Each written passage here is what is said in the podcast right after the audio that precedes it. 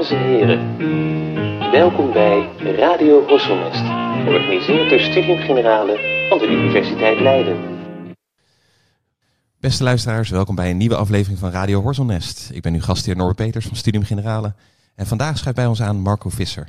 Marco is onafhankelijk journalist en energiedeskundige en van zijn hand verschenen tal van interviews en journalistieke reportages in Nederlandse en Belgische tijdschriften en kranten.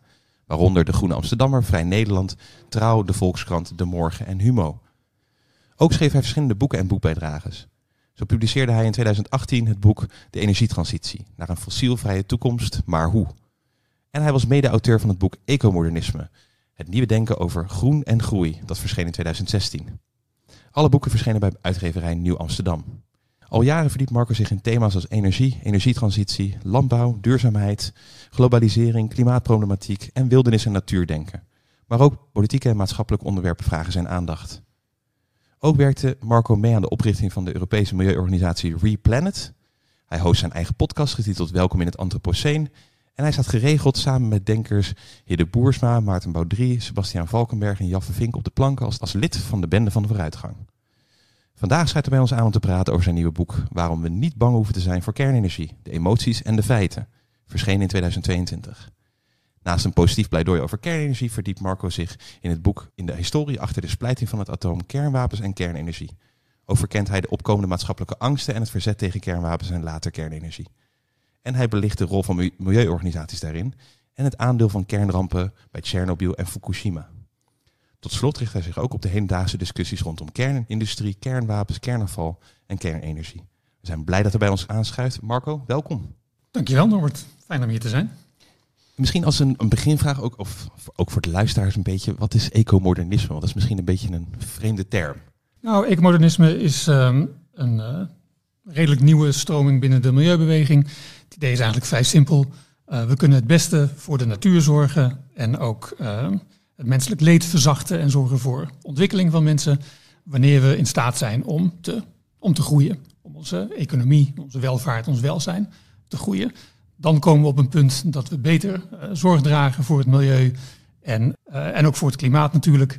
Uh, door vooral te kiezen voor schone technologieën en ook de juiste politieke beslissingen te nemen om die technologieën te laten floreren. Dat is het idee ja. van ecomodernisme. En er zit ook altijd een tikkeltje van techno-optimisme in, toch? Ook een optimistische, dat zie je vooral natuurlijk in een boek als dit, een, optimistische kijk op bepaalde technologieën, waar er ook wel eens veel kritiek klinkt op bepaalde technologische mm -hmm. ontwikkelingen. Zie je in ecomodernisme toch vaak dat er een wat positievere draai aan wordt gegeven? Uh, dat, dat, dat klopt wel, ja. Ik, uh, ik heb wel soms wat moeite met techno-optimisme. Het klinkt dan alsof je klinkt al snel alsof het een blind optimisme is. En dat is het natuurlijk ook niet. Uiteindelijk is het ecomodernisme vooral pragmatisch.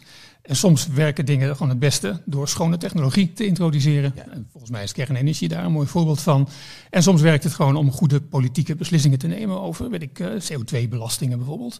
Ja, dus je moet eigenlijk die eco-modernisme moet je ook echt met nadruk lezen. Dus het is niet inderdaad een, een, een modernisme in de zin van een blind optimisme inderdaad voor mm -hmm. technologisch en technologische vooruitgang, maar toch ja. ook die ecologische kant erin van het moet wel iets zijn wat niet alleen maar gaat over mm -hmm. eigen gewin en, en welvaart en groei, maar ook om dat het inderdaad op een duurzame manier eigenlijk te, te ja. doen. Ja, absoluut. En vooral ook mondiaal. Hè. Heel veel mensen kunnen in hun eigen leven prima beslissingen nemen om uh, wat zuiniger te leven bijvoorbeeld. En om op een andere manier te gaan consumeren. Maar dat is voor namelijk de miljarden mensen in arme en opkomende landen, is dat natuurlijk een, een uitdaging waar zij nog helemaal niet uh, voor staan. Zij willen vooral betrouwbare elektriciteit eindelijk in hun leven. Bijvoorbeeld, ja. En, of, en gewoon keuze om uh, een, een, dieet wat uit te breiden dan alleen maar rijst bijvoorbeeld. Bijvoorbeeld, ja, of, of inderdaad geen hout te hoeven hakken om, om, om een haarvuurtje op te steken, maar ja. gewoon daadwerkelijk een soort gasaansluiting te hebben of wat dan ook voor aansluiting mm -hmm. te hebben. Ja. Ja, dus in, ja, ja, dus ook in die zin inderdaad van een, een mondialere blik in, om er dus voor te zorgen dat het ook opkomende landen als het ware ook mee worden genomen ja. eigenlijk in, in zo'n in zo'n energietransitie bijvoorbeeld of in, in dit soort Absoluut, ja. in, in welvaartsgroei. En dan komt je boek eigenlijk op een, een moment waarin we toch misschien wat positievere geluiden weer ineens horen over kernenergie. Uh, de regering Den Haag heeft afgekondigd, ik weet niet hoe ver het al is, dat ze in Borselen, naast de kernreactor die daar al is, dat ze er twee nieuwe willen gaan bouwen. Zie je ook zelf een beetje zo'n soort, soort kering van, van de tij, dat je, dat je denkt van ja, er, er lijkt weer wat positieve, een positieve wind te blazen? Ja, zeker. Nee, die is wel heel erg duidelijk. Uit allerlei opiniepolls blijkt uh, dat een meerderheid uh, van de bevolking kernenergie steunt. Dat is zo in Nederland, dat is ook zo in andere landen. Dat is zelfs zo trouwens in, uh, in Duitsland, wat mij wel verrast. Ja, ja zeker. Want die zijn heel kritisch geweest. Absoluut, ja, ja. Jarenlang. Ja, ja. ja, En die steun zie je, zie je in Nederland ook in de Tweede Kamer bij, bij de meeste partijen. Ik denk alleen wel dat die steun vrij kwetsbaar is, nog broos. Er zou zomaar ergens een ongeluk kunnen gebeuren met de kerncentrale ergens op deze wereld. En dan Tuurlijk. zal die steun wel een knauw krijgen uiteraard, want dan breekt alle paniek weer, uh, weer los die we eerder zagen bij uh, Fukushima, Fukushima bijvoorbeeld. Ja, bij Chernobyl ook. Ja, ja. ja. Dus het, het, is nog niet zover dat, um, uh, dat, het, dat kernenergie een, een, een, stralende toekomst tegemoet gaat en dat het bedje gespreid is. Dat is helemaal niet zo. Ik denk dat ook heel veel instituties eigenlijk kernenergie tegenwerken. De, de, hele wereldeconomie is, is, uiteindelijk gebouwd op fossiele brandstoffen. Tuurlijk, ja. Ongeveer 80% van onze energie komt uit steenkool, olie en, en gas dat is niet zo makkelijk om dat zomaar te gaan veranderen. En de ambities zijn er misschien wel, maar je ziet over de afgelopen 40 jaar is er nauwelijks verandering geweest in de energiemix. Dus het, uh, het, aandeel dat fossiel heeft, het aandeel dat waterkracht heeft of kernenergie. Kernenergie is een beetje gedaald. Oh, ja, en ja, ja, wind en zon zijn een beetje toegenomen. Maar dat, dat, als je het over wind en zon hebt, dan heb je het over 3% geloof ik eh, van, uh, van alle elektriciteit. Dat is niet veel, nee. nee, En, en, in, in, Nederland bijvoorbeeld zo'n borstelen, wat, wat, doet dat ongeveer? Als je kijkt naar nou, een beetje zeg maar, de energie wat Nederland verbruikt, hoeveel, wat is het aandeel daarvan? Ja, op dit moment uh, staat er een, een vrij kleine kerncentrale in Borselen. Die levert 3% van, 3%. alle, ja, oh, ja, ja, ja, van alles. En die wordt straks vervangen door een, waarschijnlijk door een grotere. En er komt nog een grotere naast. Dan zouden die bij elkaar waarschijnlijk, nou wat zit je dan op? Dan zit je al snel op 10% volgens mij, met twee. Dat is toch flink? grote reactoren, als het inderdaad doorgaat. Hè? Ja. En eh, ja, god, ik, ik denk steeds, uh, waarom zou je niet meer uh, gaan bouwen? Uiteindelijk zou je het liefst hebben, zou ik het liefst hebben, dat er vanuit de Europese Unie een, grote, een groot plan gaat komen om kerncentrales te gaan bouwen. Wat we weten uit de economie, een hele simpele regel eigenlijk is, dat als je ervaring opdoet met het bouwen uh, dan kan het ook allemaal veel sneller gaan. Uh, je kunt een betere prijs onderhandelen, uiteraard. Uh, je kunt als overheid garant staan. Dat is iets anders dan subsidie. Maar je staat gewoon garant, zodat je niet als bouwer op de private markt hè, bij de banken moet aankloppen. Dan betaal je gigantische rentes. Dan gaat enorm veel geld naartoe uiteindelijk. Maar als de overheid gewoon zegt, wij hebben een visie voor, voor deze eeuw eigenlijk. Om kernenergie hier uit te rollen. En wat mij betreft doen we dat ook als steun in arme en opkomende landen. Ja, dan, dan zul je zien dat de nucleaire energieindustrie gaat uh, ontstaan eindelijk. Die, uh, die gewoon veel meer voor elkaar kan krijgen dan tot nu toe is, uh, is gebeurd. Maar het is dus een heel broos, het is eigenlijk een hele broos situatie. Dus zelfs dat klein beetje optimisme wat je nu kan hebben is eigenlijk nog steeds mhm. heel broos. Want je zegt inderdaad, er kan natuurlijk weer zo'n ramp gebeuren en dan in één keer verschuift die publieke opinie weer. En daarmee misschien ook wel de opinie van uiteindelijk de politiek. Ja, ja dat en ook ik denk dat voor de partijen, kijk, nu zijn het vooral VVD en CDA die uh, voor kernenergie zijn. Mm -hmm. um, ik, ik, denk in dit politieke landschap is het vrij onmogelijk om uh, met uh, nog maar twee of drie partijen een regering te vormen. Dus je hebt er altijd een paar nodig. Tuurlijk. VVD en CDA zullen er vast nog voorlopig bij, bij zitten. Um, tenzij opeens linkse en groene partijen ineens de wind in de zeilen krijgen. Dat zou ook kunnen. Of Pieter Omzicht pakt alle zetels van CDA. ja, uiteindelijk weten we niet helemaal wat er in, niet, in, in de politiek gebeurt. Maar mijn punt is vooral, um, het kan ook wisselgeld worden op een gegeven moment. Tuurlijk. Er is op dit moment alleen maar besloten om de bouw van twee kerncentrales voor te bereiden. Het eigenlijke bouwbesluit is nog helemaal niet genomen. Er wordt alleen maar voorbereidingen getroffen. Dus je ziet voortdurend met kernenergie dat de beslissingen, cruciale beslissingen, worden altijd vooruit geschoven. En dat is nu eigenlijk ook weer gebeurd. Dus het is eigenlijk aan het volgende kabinet om dat besluit te gaan nemen. Ik ah, kan me goed voorstellen dat uh, er een situatie komt waarin je weer moet onderhandelen voor een nieuw kabinet, een nieuwe coalitie. Ja. En dat er wel belangrijke zaken zijn voor de VVD en voor de CDA dan die, uh, dan die twee kerncentrales. Ja, al zie je dus inderdaad. Het is wel grappig dat je. Tenminste, dat merk ik een beetje op dat je vanuit linkshoek wat positievere geluiden begint te horen over kernenergie. Er was een hele tijd dat eigenlijk uh, toch wel, zeker op het linkervlak, was iedereen moordikeus tegen uh, kernenergie. Althans, zo, leek ja. het. Oh, en zeker ook in Duitsland. En nu lijkt er toch wel een klein beetje positiviteit ook erbij zijn gekomen. Is dat denk ik ook gewoon te, te wijten aan het conflict wat, wat, er, wat er nu heerst in, Oekraïne? Dat, dat het ook voor, dat er voor een heel groot deel eigenlijk de bijdrage heeft geleverd? Ja, um, het is zeker zo dat sinds de oorlog in de Oekraïne is de steun voor kernenergie toegenomen. Um, ik denk dat er een groter besef is, sowieso vanwege klimaatverandering dat het toch wel heel erg nuttig is om een bron te hebben van CO2-vrije elektriciteit die gewoon 24 uur per dag uh, werkt. Um, dat, dat besef was al redelijk in, ingedaald volgens mij. En met die oorlog in de Oekraïne is maar eens gebleken hoe afhankelijk we nog altijd zijn van fossiele brandstoffen. En ik denk dat mensen ergens wel begrijpen dat de grote concurrent voor een kolencentrale of een gascentrale is een kerncentrale. En windparken zijn leuk en, en zonneparken kunnen er ook nog wel bij. Maar dat is, niet, dat is geen één op één vervanging van de centrales die, we, die we hebben. Het aandeel is ook gewoon nog steeds te klein. En je ziet natuurlijk dan ook gekke dingen gebeuren, zoals dat in Duitsland, dat er uh, kerncentrales dichtgaan en dat men teruggaat naar, terugvalt op bruinkoolcentrales. Uh, Wat een enorm vervuilende uh, bron van brandstof is. En het is natuurlijk bizar dan dat er een groene partij in de Duitse regering zit, die klimaatactivisten oppakt en arresteert notabene. Die proberen de, de, de mijnbouw van, van bruinkool te verhinderen. En, en, terwijl ze kerncentrales sluiten aan bronnen van schone CO2-vrije energie. Ik las wel dat ze weer dat ze er toch een aantal langer open houden die gepland stonden om te gaan sluiten. Of is dat? Ja, klopt. Het, uh, ja, uh, die, ja, maar eigenlijk betekent het dat het, uh, het is uitstel van executie. Ja, precies. Ja, ja, ja, Er is op dit moment geen politicus in Duitsland, die, uh, althans met, met bepalende, met beslissende bevoegdheden, uh, die zegt uh, dat, dat is echt serieus langer moeten over, openhouden. Dat gebeurt trouwens wel in België. Daar zijn maar twee kerncentrales, ja. Doel en Tihange. Die leveren samen, wat is het, 50% denk ik van de elektriciteit. Het was ook een tijdje meer dan 50%. Um, een aantal reactoren zijn al gesloten en andere reactoren hebben toch verlenging van wel tien jaar ineens gekregen. Dus het kan wel. Ja, precies. Dus je zou erin, ja, precies. Dus je zou er gewoon een langer mee door kunnen doorgaan. En het is eigenlijk wel dat het zoveel is ook is in België. Dat is eigenlijk wel aanzienlijk. 5% en zelfs meer dan 5%. Dat is natuurlijk wel, dat is natuurlijk flink. Ja, nou, ze hebben daar. Eh, wij denken steeds aan één kerncentrale is één kernreactor. En dat, dat is ook zo in Zeeland. Maar op heel veel plekken in de wereld heb je meerdere reactoren bij één kerncentrale staan, om zo te zeggen. Dus uh, uh, Tihange heeft er uh, drie, geloof ik, een doel vier, of het is precies andersom. En Borstel heeft er dan dus één. Dus die, die, die ja, ja, ja, ja, Maar je kan er eigenlijk gewoon meerdere in, in meerdere ja, neerzetten. Absoluut. In Chernobyl staan natuurlijk ook meerdere. Was het volgens mij reactor vier die, precies, die het begaf. Ja, ja, ja, ja, precies. Maar dat je net vier, vier staan. Maar je kan natuurlijk inderdaad gewoon meerdere neerzetten. Het is natuurlijk ook gewoon een constructie die je gewoon, ja, op zo'n bedrijfsterrein kan je er gewoon natuurlijk nog een paar bij zetten. Nee, absoluut. Dus als je kijkt naar de hele wereld, er zijn ongeveer 450 kernreactoren. Uh, maar het aantal plekken waar ze staan is natuurlijk veel minder dan, uh, ja. dan 450. Ja. En, en zie je nou nog wel dat dat. Ik bedoel, is nog steeds een stijging wel ook gaande? Ik bedoel, want je hoort wel eens berichten dat er heel veel kerncentrales in de pijpleiding zouden zitten. Dat bijvoorbeeld China wil er heel veel mm -hmm. van bijbouwen. Amerika ja. heeft ook grote plannen. In Afrika zie je, zie je ook plannen voor kerncentrales. Ja. Ja. Krijgt het weer een beetje de, de, de wind in de zeilen? Of is dat. Um, ja, als alle plannen doorgaan wel. Maar ja, op dit ja. moment zien we vooral dat er meer sluiten dan openen. Uh, en er zijn wel bouwplannen, meer bouwplannen mm -hmm. dan er uh, tien jaar geleden waren bijvoorbeeld. Dus de, die verschuiving zie je wel.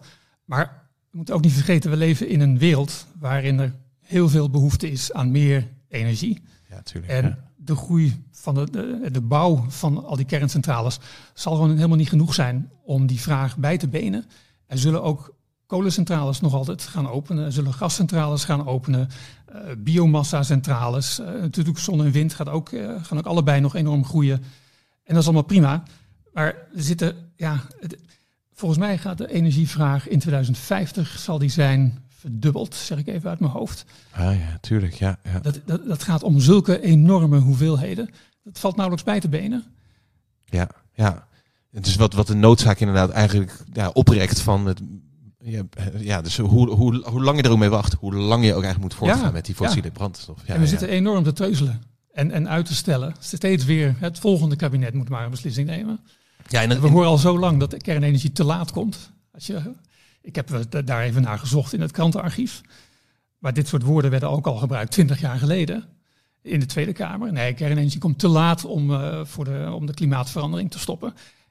Ja, als, als je dat twintig jaar geleden al keihard riep. Ja, ja precies. Ja. er is in de tussentijd hebben we één borstelen met één, blijkbaar dus één reactor ja. erop. Ja. Als je lang genoeg blijft roepen, dan klopt het ook trouwens. Hè? Dan gaat het ook kloppen, dan komt het ook echt wel te laat.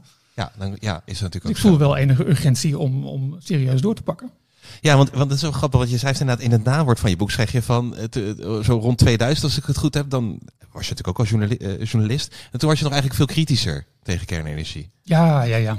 Nee, toen schreef ik een stuk. ehm, volgens mij heette dat, eh, noemde ik dat de verontrustende terugkeer van kernenergie. Er was een klimaatconferentie geweest. Ja. En daar was de nucleaire industrie aanwezig. En die had kernenergie gepromoot als een van de klimaatoplossingen. Ja, en daar moest ik niks van hebben, want ja, kernenergie was toch super gevaarlijk. En er gingen nog altijd mensen dood aan kanker vanwege de kernongevallen in Tsjernobyl door heel Europa. En, en afvalprobleem was allemaal niet opgelost. Dus ik schreef zo'n verhaal en ik weet nog dat ik, ik eindigde met de zin... ehm, en nu is het tijd om de nucleaire industrie om zeep te helpen voor ze de 21ste eeuw kan vergallen of zoiets. Oh ja, ja, ja, ja, ja, grappig. En eh, als ik het teruglees, ja, dan zie ik helemaal een soort vooringenomenheid. Het, het, ik begaf mij op dat moment zeker in een soort bubbel waarin het, ja, iedereen wist toch dat kernenergie helemaal verkeerd was. Ja, ja, ik had er precies. nooit echt over gelezen, ik had er nooit echt in verdiept, maar dat was gewoon, dat, ja, dat wist iedereen. En je werd natuurlijk ook gewoon groot. Ik bedoel, je bent uit de eind jaren zeventig, toch zag ik als het goed ja, is. ja, eh, goed. 76, ja. Ja, eh, eh, dus je werd ook groot op een bepaalde manier. In een tijd dat het natuurlijk ook wel eigenlijk de, de, de kritiek op zeker kernenergie echt een hoogtepunt eigenlijk bereikt. Met, met de ramp in Tsjernobyl en eigenlijk de nasleep daarvan. De, en de groenen en de milieubewegingen. Ik, ik, ik kan me helemaal niks herinneren van die ramp in Tsjernobyl. Dat was vlak voor mijn tiende verjaardag. En ik heb helemaal geen herinneringen aan het nieuws van dat moment. Het gekke is dat in die zomer was een WK voetbal. En ik heb me wel herinneringen aan hoe Maradona van Engeland won. Ja, dat is gek hè, hoe dat, Ja, ja, ja, dat is gek hoe dat werkt. Ja. Ik zat ook helemaal niet in een, eh, het gezin waarin ik opgroeide. was helemaal geen politiek gezin. Dus we waren ook helemaal niet aan het demonstreren tegen kernwapens. Nee, Dat nee, deden we in Drenthe helemaal niet. Dus ik, ja, het, het is wel vreemd. Dus ik heb daar niet zozeer een klap van gehad. Maar ik denk wel, eh, toen ik ging studeren in de jaren negentig, dat ik dan ja, toch in een soort linkse bubbel. Het woord bubbel bestond volgens mij toen nog niet.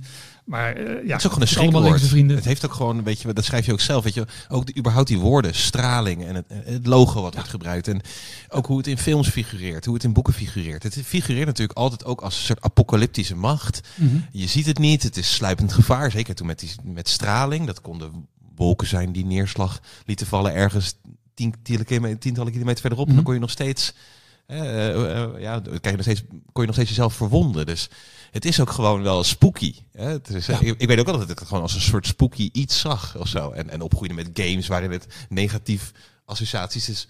Ik weet ook gewoon geen positieve associaties eigenlijk tot voor kort. Dat ik denk van ik heb eigenlijk ook helemaal geen positieve associatie met kernenergie. Ik, ik hoor ook al, weet je wel, wat opviel altijd was ook de Mhm. negatieve berichten. Of, of de geschiedenis van de kernbom, wat ook of zo. Ja. Ja, zeker. En het is wel interessant dat ehm, die negatieve gevoelens, die gaan veel verder terug dan Tsjernobyl. En Ja. ze gaan ook verder terug dan de jaren 50, waarin we voor het eerst echt kernreactoren gingen bouwen. Ze gaan ook verder terug dan de atoombom, die natuurlijk ook is gebaseerd op kernenergie. De splijting van atomen.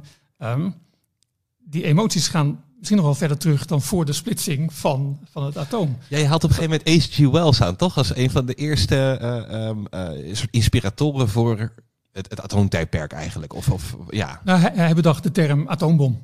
Ah, hij ja, schreef ja, eh, in een hele depressieve bui aan de vooravond van de Eerste Wereldoorlog. Schreef hij een, een roman. En een draak van een, een boek is het trouwens. Onleesbaar eigenlijk. Ehm, en hij beschrijft daarin een oorlog die halverwege de 20e eeuw plaatsvindt. Waarin een bom is ontwikkeld die heel klein is, past in een handtas. En het is eh, een, een element dat kan splijten. En die, die worden op alle steden in de wereld worden die geworpen. En dan ligt de hele stad ligt helemaal plat met één bom. ja, Dat was ja. in die wereld helemaal niet mogelijk natuurlijk. Op dat moment, 19, tuurlijk, wat was het, nee. 1913 schreef hij.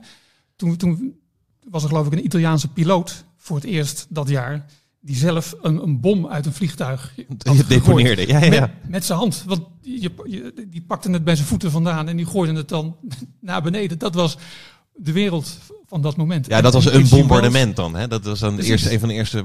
Ja, Ja. ja. dat is het, hij is heel erg een futuroloog. Hè? Wat dat betreft. Met War of the Worlds natuurlijk zie je het ook al. Dat hij ook zich voorstelt al buitenaardse wezens. Ja, ja. Met tripods en lasers en zo. Die hier. eh, Maar het is heel grappig, dat, eh, dat boek ik, eh, heeft ook een omslag. En op dat omslag zie je dus, ja, het is dus een boek waarin een, een, een bom wordt geprojecteerd die, die, die, die nog heel ver buiten het, eh, de, de wereld van dat moment staat. Ja. Maar dat vliegtuigje is precies het vliegtuigje dat op dat moment, zeg maar, eh, eh, dat- ze kenden van dat moment. Dus, dat, dus het vliegtuig is helemaal niet veranderd, maar de, Nee. de, de wapens, de wapens wel. En hij, en hij munt dus eigenlijk dat atomic bomb als een soort.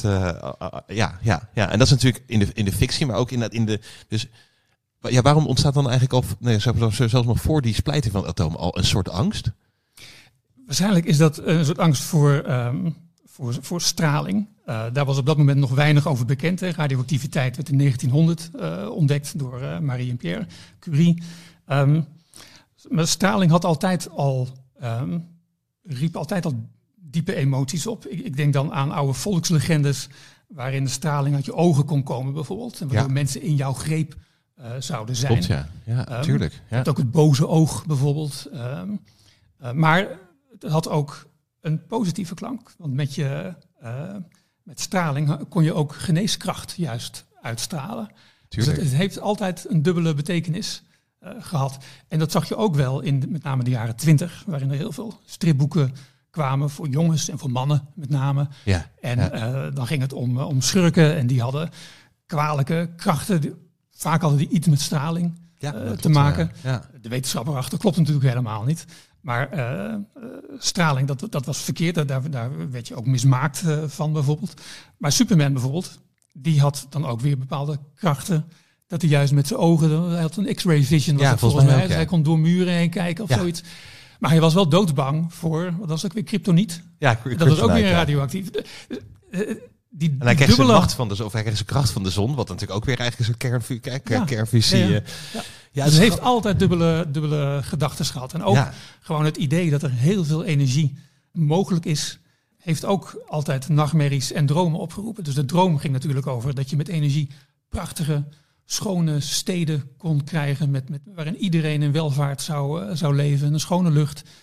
Maar de nachtmerrie was dat je als je die energie zou vrijlaten, ja, dan kon je dus ook een bom laten exploderen. Ja, een bom met enorme Ja. kracht. En die kennis was meteen al bij het begin bekend. Dus de mensen die eh, die splijting van atomen, die daarover eh, dachten en, en onderzoek naar deden, Ernst Rutherford en, en Frederick Soddy bijvoorbeeld, Ja. die hadden het daar ook open over. Ja, we kunnen een, een stad van energie voorzien, maar we kunnen ook een stad opblazen.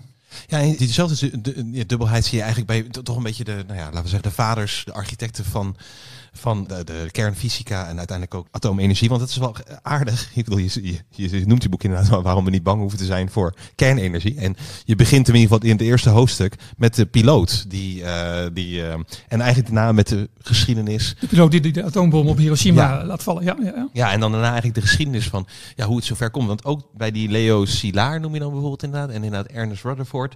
Zie je dus ook al die dubbelheid. De dubbelheid eigenlijk in de verbeeldingskracht van...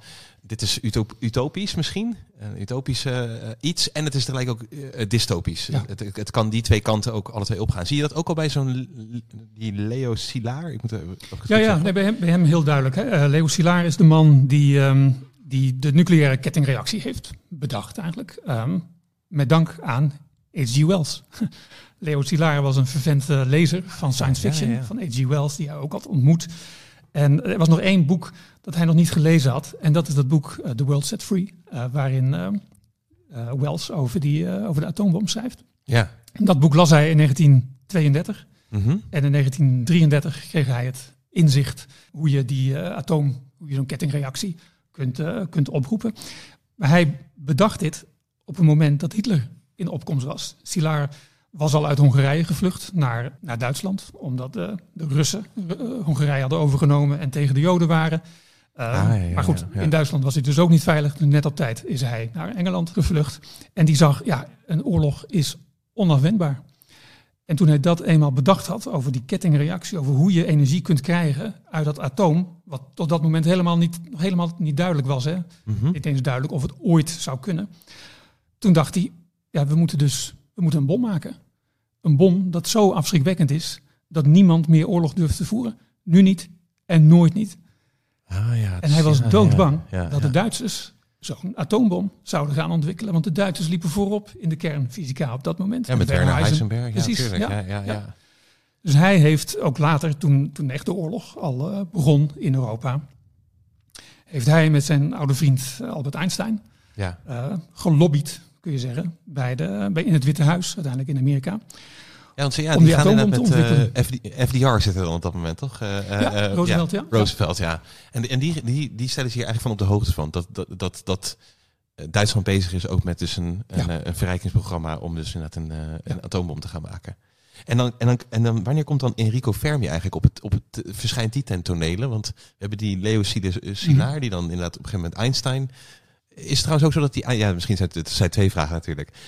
Was, had Einstein hier dan geen, geen zicht op, die zich juist ook wel met natuurkunde bezighield op dit vlak?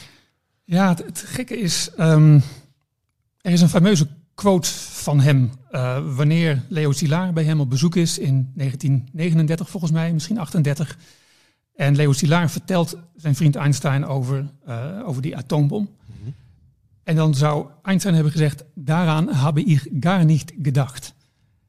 Dat kun je je haast niet voorstellen. Nee, ik kan het me haast nee, niet voorstellen dat dit zo is. Maar goed, dit, dit komt uit de overlevering van Leo Szilard zelf. Ja, die was er toch echt bij. Ja, die was erbij. Dus daar moeten we maar van uitgaan. Maar een beetje raar is het wel, want er werd in die tijd openlijk over, over gesproken. In, in, in de kringen van, uh, van natuurkundigen op dat moment. Ja, dus het zou gek zijn als het niet de revue had gepasseerd. Of Ja, dat hij daar überhaupt en- niet aan had gedacht. Ja, en Einstein was natuurlijk degene die in 1905 al, al wist energie, de ESMC-kwadraat, daar kwam hij destijds eh, mee. Als formule dan eh, gepresenteerd in, eh, in 1907.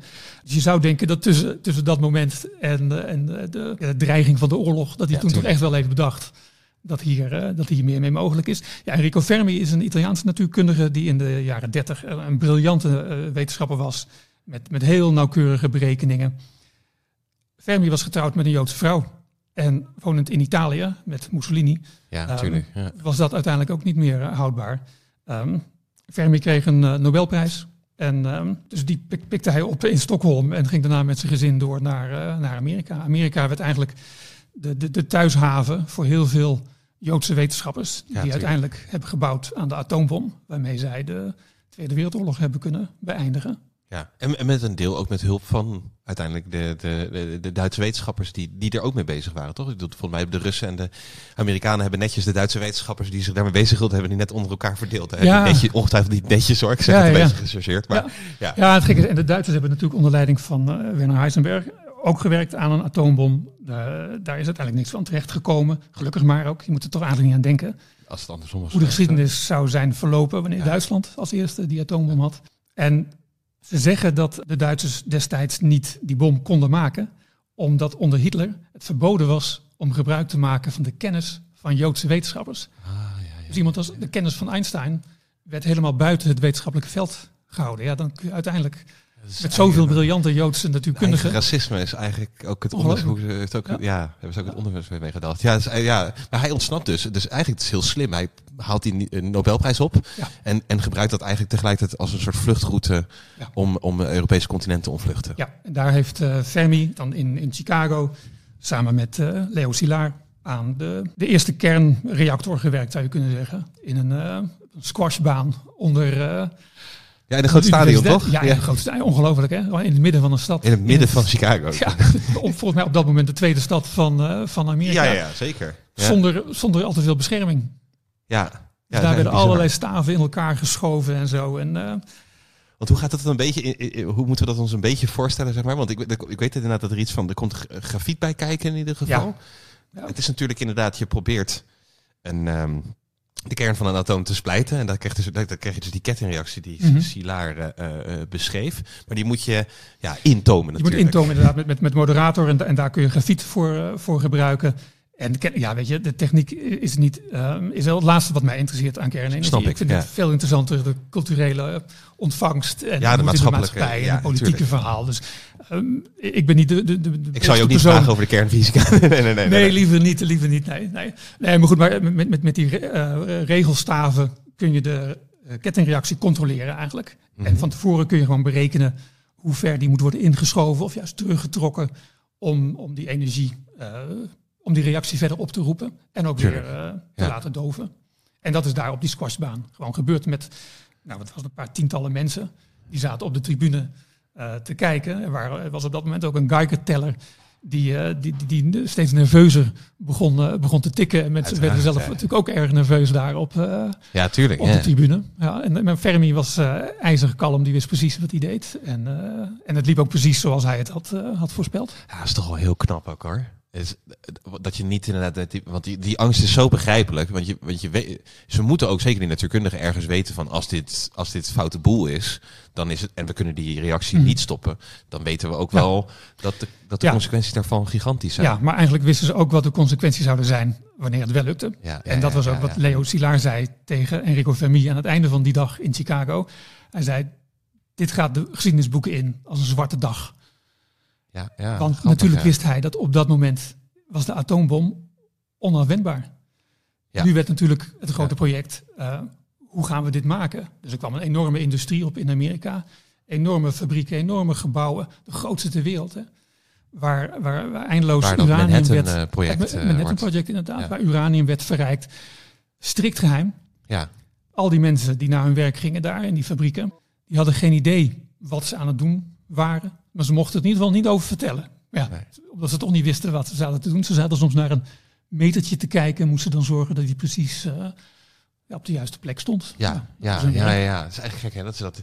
En uranium was ook niet helemaal niet iets wat men, waar men in geïnteresseerd was eigenlijk voor, eh, voordat er überhaupt Nee. zoiets als, als, als een kernbom eigenlijk aan werd gedacht. Nee, toch? klopt. Vrij- Volgens mij beschrijf je het als dat het wordt gebruikt als een soort glas in lood, eh om Ja, een soort ja. verf in glas, en lood. Ja, ja, klopt. En dat men het wel eens aantrof in, in, in zilvermijnen. Toch? Dat je, en dat je Ja. dan ehm, dat mensen daar last van kregen. Ja, zeker. Ja, ja dit, is, dit is ver terug. Ehm, Ja, dat is natuurlijk heel ver terug hoor. Dat is natuurlijk ver, ver, ver voordat men überhaupt. eh, ja, in de middeleeuwen, in de tijd van Paracelsus. Oh ja, ja, ja, ja, ja, ja. Die er onderzoek naar, eh, naar heeft gedaan ook trouwens, zelf. Nee, me- mensen werden ziek in die, die in die zilvermijn eh, werkten. Wat op zich niet zo gek is trouwens in die tijd. Ehm, Natuurlijk. En nog steeds trouwens, mijnbouw is gewoon een, een, redelijk vieze klus nog steeds. Ja, ja, ja, ja, ja. Ehm. ja, we zien het nu niet zoveel meer van. Hè? Maar ook de kolenmijnen. Ik zat een tijd terug nog bijvoorbeeld van Orwell heb je Road to Wigan Pier. Dat is een eh, waarin die, die mijnbouw ja, stadjesdorpen in Engeland afgaat. En dus ook echt afdaalt in zo'n mijnencomplex, zo'n kolenmijnencomplex. Ja, is gewoon niet meer voor te stellen eigenlijk. Hè? Terwijl het nog steeds, het is nog steeds een van de grootste eh, energieleveranciers. Maar je Oh ja. kan je die kolenmijnen, als je dat leest, die beschrijvingen, het is echt iets afschuwelijks. eh, dat kan je gewoon niet voorstellen dat dat eh, zo groot was op het Europese continent. En nu natuurlijk eigenlijk nog steeds zo groot. Alleen het is gewoon buiten onze, onze horizon, zeg maar. Of in ieder geval buiten wat wij zien. Ja. Ja. Ja, en dat is maar hoe ontdekken ze dan eigenlijk dat uranium op een of andere manier datgene is wat ze nodig hebben eigenlijk om die kernreactie te gaan. ehm, Ja, door heel veel te experimenteren met alle elementen. En uranium hebben ze uiteindelijk ook eh, gebruikt door er dan weer andere deeltjes op te schieten en te zien of er dan een nieuw element ontstaat. Zo moet je het eigenlijk voor je zien. ja, ja, ja, ja. En, en dat is uiteindelijk gelukt met, eh, met uranium. Waardoor ze, eh, en, en dit speelt in, wat is het, 1938 denk ik. Het is ook de dochter van Marie Curie, die daar nog eh, een belangrijke rol in heeft eh, gespeeld. Irene, met haar man. Want haar moeder was inderdaad bezig met radium, wat ook, toch, wat ook radioactief is. En uranium werd dan gewonnen in Belgisch Congo. Deze keer boek, toch? Klopt. Of- Ja, Ja, want eigenlijk, Daar kwam de meeste uranium vandaan. Ja. Ja, en dat hebben ze uiteindelijk toen, nou ja, gebruikt eigenlijk, eigenlijk uiteindelijk om, het- om die bom dan te, ont- te Ja. ontwikkelen. Ja. Ja. Ja, ja, ja, En dan beschrijf je inderdaad die piloot. Het is misschien ook wel ergens go- goed om, het is echt natuurlijk een verschrikkelijke eh, passage, maar ik vond het wel heel bijzonder om te lezen. Ik moet even kijken of het is Paul Tibbet, zeg ik dat goed? Mhm. Ja, die dus inderdaad eigenlijk de opdracht krijgt om die little boy dan... Weet hij wat hij eh, bij zich draagt? Heeft hij, weet je, een idee Ja. van wat, wat voor gevaarlijke wapen die bij... Dat wel, ja. Ja, ja, ja, ja. Ja, maar hij mocht er niet over vertellen met anderen, over praten met, eh, met andere mensen. ja. Dus het was, het was ja, strikt geheim. Echt een handvol mensen in Amerika in de Tweede Wereldoorlog wisten wat er precies aan de, eh, aan de hand was. Ja, en, en hij zit dan in zo'n soort B, B-50... Ja, wat is het ook weer? Zo'n B... eh, Zo'n B 29, ja, ja. Ja, ja. En, en hij Hypermodern moet dus- trouwens hè, op dat moment. Ja, hypermodern. Duurder dan de ontwikkeling van de B-29. was duurder dan, de, dan het hele Manhattan-project bij elkaar. Oh, wat bizar. En hij heeft maar heel Ja, weinig de- tijd om rechtsomkeer te maken, toch? Hij, het is echt... hij moet hem laten vallen en hij moet echt Maken dat hij wegkwam. staart tussen Ja. de benen meteen... Ja. eh, Ja, je moet je voorstellen als je een, een bom laat vallen uit het ruim. ja. Dan gaat hij natuurlijk mee. Die valt niet loodrecht naar beneden, want die heeft nog vaart. Dus als jij gewoon door blijft vliegen, ja, dan vlieg je erboven wanneer die, wanneer die ontsteekt. Ja, ja, tuurlijk, ja. ja. Dus de kunst was om meteen een bocht te maken, zodat je zo ver mogelijk er vanaf zou, eh, zou zijn. En daar heeft hij eindeloos op, eh, op geoefend. Die scherpe bocht, inderdaad. Oh ja, ja, ja, ja. Zodat hij op, op een moment supreme inderdaad op tijd... ja, en de ontsteking die, die kwam na, wat is het, 44 seconden nadat die eh, bom was, eh, was gevallen. Die was afgesteld op, de, eh, op een bepaalde hoogte ten opzichte van de, van de grond, moet je je voorstellen. Ja, Dus al- alles is, is eindeloos doorberekend. En eh, ja, het is, het is goed gegaan. Het vliegtuig waarin Paul Tibbet zat, heeft nog wel een flinke opdonder eh, gekregen van de, van de knal natuurlijk, van de explosie. Ja, ja, ja, Het een enorme explosie zijn geweest. Hè? Ja, vele malen groter. Want ze hebben natuurlijk daarvoor wel wat testen gedaan, eh, toch? Eén test maar in de woestijn in Amerika. ja, Ja, het onder- was allemaal onder kostbaar spul, dus je ging ook niet Ja, eindeloos eh, atoombommen ja, ja. eh, testen. Oh, dus het echt het vele testen is was van daarna. Het is eigenlijk maar één test die is gedaan. Ja, En dat is wel in de buurt van eh, Las Vegas, toch? Want dat wordt... die test, Trinity was, bij, was in New Mexico. Oh, in New Mexico, ja. Ja, ik weet En- dat op een gegeven moment en- Las Vegas als Atomic Klopt. City... eh, ja, ja. Er, er waren er meerdere en daar waren de Amerikanen trots op. Hè? Atomic City. Heel veel steden noemden zich Atomic City. Al- alleen al als er uranium werd gevonden, bijvoorbeeld. Nee, dat Oh, had in, ja, begin ja. jaren 50 had uranium en alles met atoomenergie ook wel een fascinerende bijklank eigenlijk. Je had ook ehm, atomic cocktails. Kon je drinken bijvoorbeeld. Ja. Die, die, die rookten een beetje doordat je droog ijs bovenop eh, deed. Oh, ja, ja, ja. Het zijn allemaal van dat soort dingen. En inderdaad, Ja, ik lees ook, het was ook over, de, dat vond ik ook grappig om in je boek te lezen, dat die- de bikini, eh, dat dat ook iets is wat is geïnspireerd op de atoomtesten die, die, die worden gedaan, toch? Op, het, op klopt. de, op de atoren eh, bikini. Ja, toen, toen, toen nog bovengrondse atoomtesten Ja. ook, ook mochten Ja. gebeuren. Nee, klopt. Het, wil je het verhaal eh, horen? Ja, natuurlijk, ja, graag. Ehm, het verhaal is dat, eh, dat een eh, modeontwerper die wilde het badpak zo klein maken, ehm, eh, veel kleiner dan het op dat moment was. En het kleinste badpak op dat moment kwam uit Frankrijk en dat heette Latom. En hij, hij, hij wilde het nog kleiner maken. Het was eigenlijk maar ja, zo'n slipje eigenlijk en, en een klein BH'tje. En ehm, daar had hij toen de naam bikini voor verzonnen, omdat op het bikini-atol eh, in de oceaan, in de Stille Oceaan, daar kwam een, eh, een atoomproef. En zeg je dat nou? Eh, hij wilde een, een badpak maken dat dus kleiner was dan het atoom. Nou ja, goed, Ja, kwam hij bij, bij de bikini terecht. Overigens was de vrouw daardoor zo naakt dat hij, dat hij niemand kon vinden die zijn bikini wilde tonen. Uiteindelijk heeft hij een 18-jarige naakdanseres eh, gevonden die het allemaal wel prima vond om nog iets van kleren aan te hebben wanneer mensen naar haar keken. en, en, en zij, heeft het, eh, zij heeft het getoond aan de wereld. Ja. Ja. Ja, het is grappig inderdaad om dat enthousiasme eh, natuurlijk te zien. Want ik bedoel, je hebt dan die enorme, ja, het einde van de, van de, van natuurlijk van de Tweede Wereldoorlog, bombardement op Hiroshima en Nagasaki. Enorm veel doden, maar dus ook gek genoeg een tijd waarin je toch ook wel enthousiasme ziet voor atoomenergie en of, of, eh, voor, voor, eh, eh, voor het atoom. En, en dat enthousiasme wordt eigenlijk misschien nog wel meer als, als eh, eh, Dwight Eisenhower zijn speech gaat houden, toch? Eh, Tenminste, die haal je ook aan Ja. in die speech. Nee, klopt. Ja. Ja, ik, ik denk dat het in, in golven is gegaan. Ik denk dat het meteen na de oorlog was het trots dat die ellendige Tweede Wereldoorlog eh, voorbij was. Ehm, en in Amerika vooral trots dat zij het waren, Die, die dat een einde die allemaal hadden, ge- eh, ja. hadden gedaan. Zie je dan ook al wel wat, wat? Want je krijgt natuurlijk wel dan op een gegeven moment ook beelden uit Hiroshima Nagasaki. Mensen krijgen wel op een gegeven moment ook door hoe de omvang van wat ze hebben gedaan, toch? Ja. Ik kan me veel voorstellen. Zie Dat, dat, ging al- met, dat ging met vertraging overigens. Ehm, het was ook Amerikaanse journalisten heel lang verboden om daar te zijn. Het is een boek uit 1946 geweest eh, van John Hersey. ehm, dat Amerikanen bekend heeft gemaakt met wat er eigenlijk is gebeurd, wat de gevolgen waren. Oh. John Hersey ehm, ja. had een manier gevonden om toch in Hiroshima eh, te geraken. En heeft daar de verhalen opgeschreven van, van mensen die het overleefd hebben. En dat waren natuurlijk dramatische verhalen. Ja. Want Ja. zo'n. De meeste mensen sterven gewoon in, in de explosie, om zo te zeggen. Ja. Zoals mensen ook bij allerlei andere bombardementen om het leven komen. Maar het aanvullende is natuurlijk dat er een straal omheen is. Ja, straal eh, van mensen die niet door die explosie eh, om het leven zijn gekomen. Maar, de Maar gevolgen- eigenlijk verbrand eh, zijn met vreselijke wonden. eh, zaten opgescheept. Ja. Waar sommigen wel van hersteld zijn hoor. En, en anderen uiteindelijk. En ook eh, gewoon de culturele anderen niet. impact natuurlijk in. ehm, en, en, en, en ja, wat- je beschrijft dat volgens mij dat, dat een van dat de Mitsubishi-fabriek, dat dat een van die dingen is die dus inderdaad waar de torpedo's worden gemaakt, ook die onder andere Pearl Harbor eh, Ja, klopt. vernietigen. Ja. Dat, dat dat een van de, de dat daarom ook inderdaad die stad misschien ook als mogelijk doel weer werd gekozen. Nou ja, ehm, ook, maar ook er waren niet zo heel veel steden meer die nog overeind stonden. Ja, Want Amerika ja. was al heel lang bezig om Japan te bombarderen. Dat deden ze al, al maandenlang. Tokio is ook een vreselijk bombardement geweest. In, eh, nog in maart was het volgens mij, 1945. Dat ging urenlang door. Eindeloos veel bombardementen op Tokio. Die, plat was, die stad was helemaal plat. Ja, de- ja, ja, Ik noem het volgens mij ergens het wereldrecord mensen doden. Is, is, is daar gevestigd. ja, En daar was nauwelijks internationale ontzetting over. Maar het was gruwelijk natuurlijk wat daar gebeurt. Een oorlog is gruwelijk. Al die bombardementen zijn gruwelijk. Ja, natuurlijk. Dat is ook zo. Maar we krijgen in Europa natuurlijk wel op een gegeven moment ook zelfs dat uh, geallieerden bekritiseerd worden om de bombardementen op Dresden. En, en je ziet dat zeker de, wanneer er burgerdoelen worden geraakt, dat er toch ook wel flink wat kritiek is van, van, van beide kanten uh, van het conflict. He, dus ja, opmerkelijk inderdaad. Dat je daar, ja, tenminste, het is opmerkelijk ook überhaupt om te, om, om te leren. Hoor. Want je denkt toch wel vaak naar Hiroshima en Nagasaki. Mm -hmm.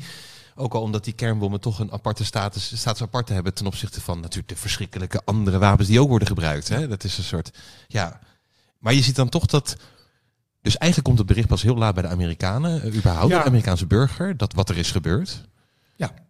Eh, eh, Maar dan is het daarna ook wel, als dat die kritiek er komt, dat dus ook wel er een soort noodzaak wordt gevoeld om toch ook überhaupt eh, de, de laten we zeggen, kernfysica en het atoom toch ook wel weer in een iets positiever daglicht te proberen stellen. hè?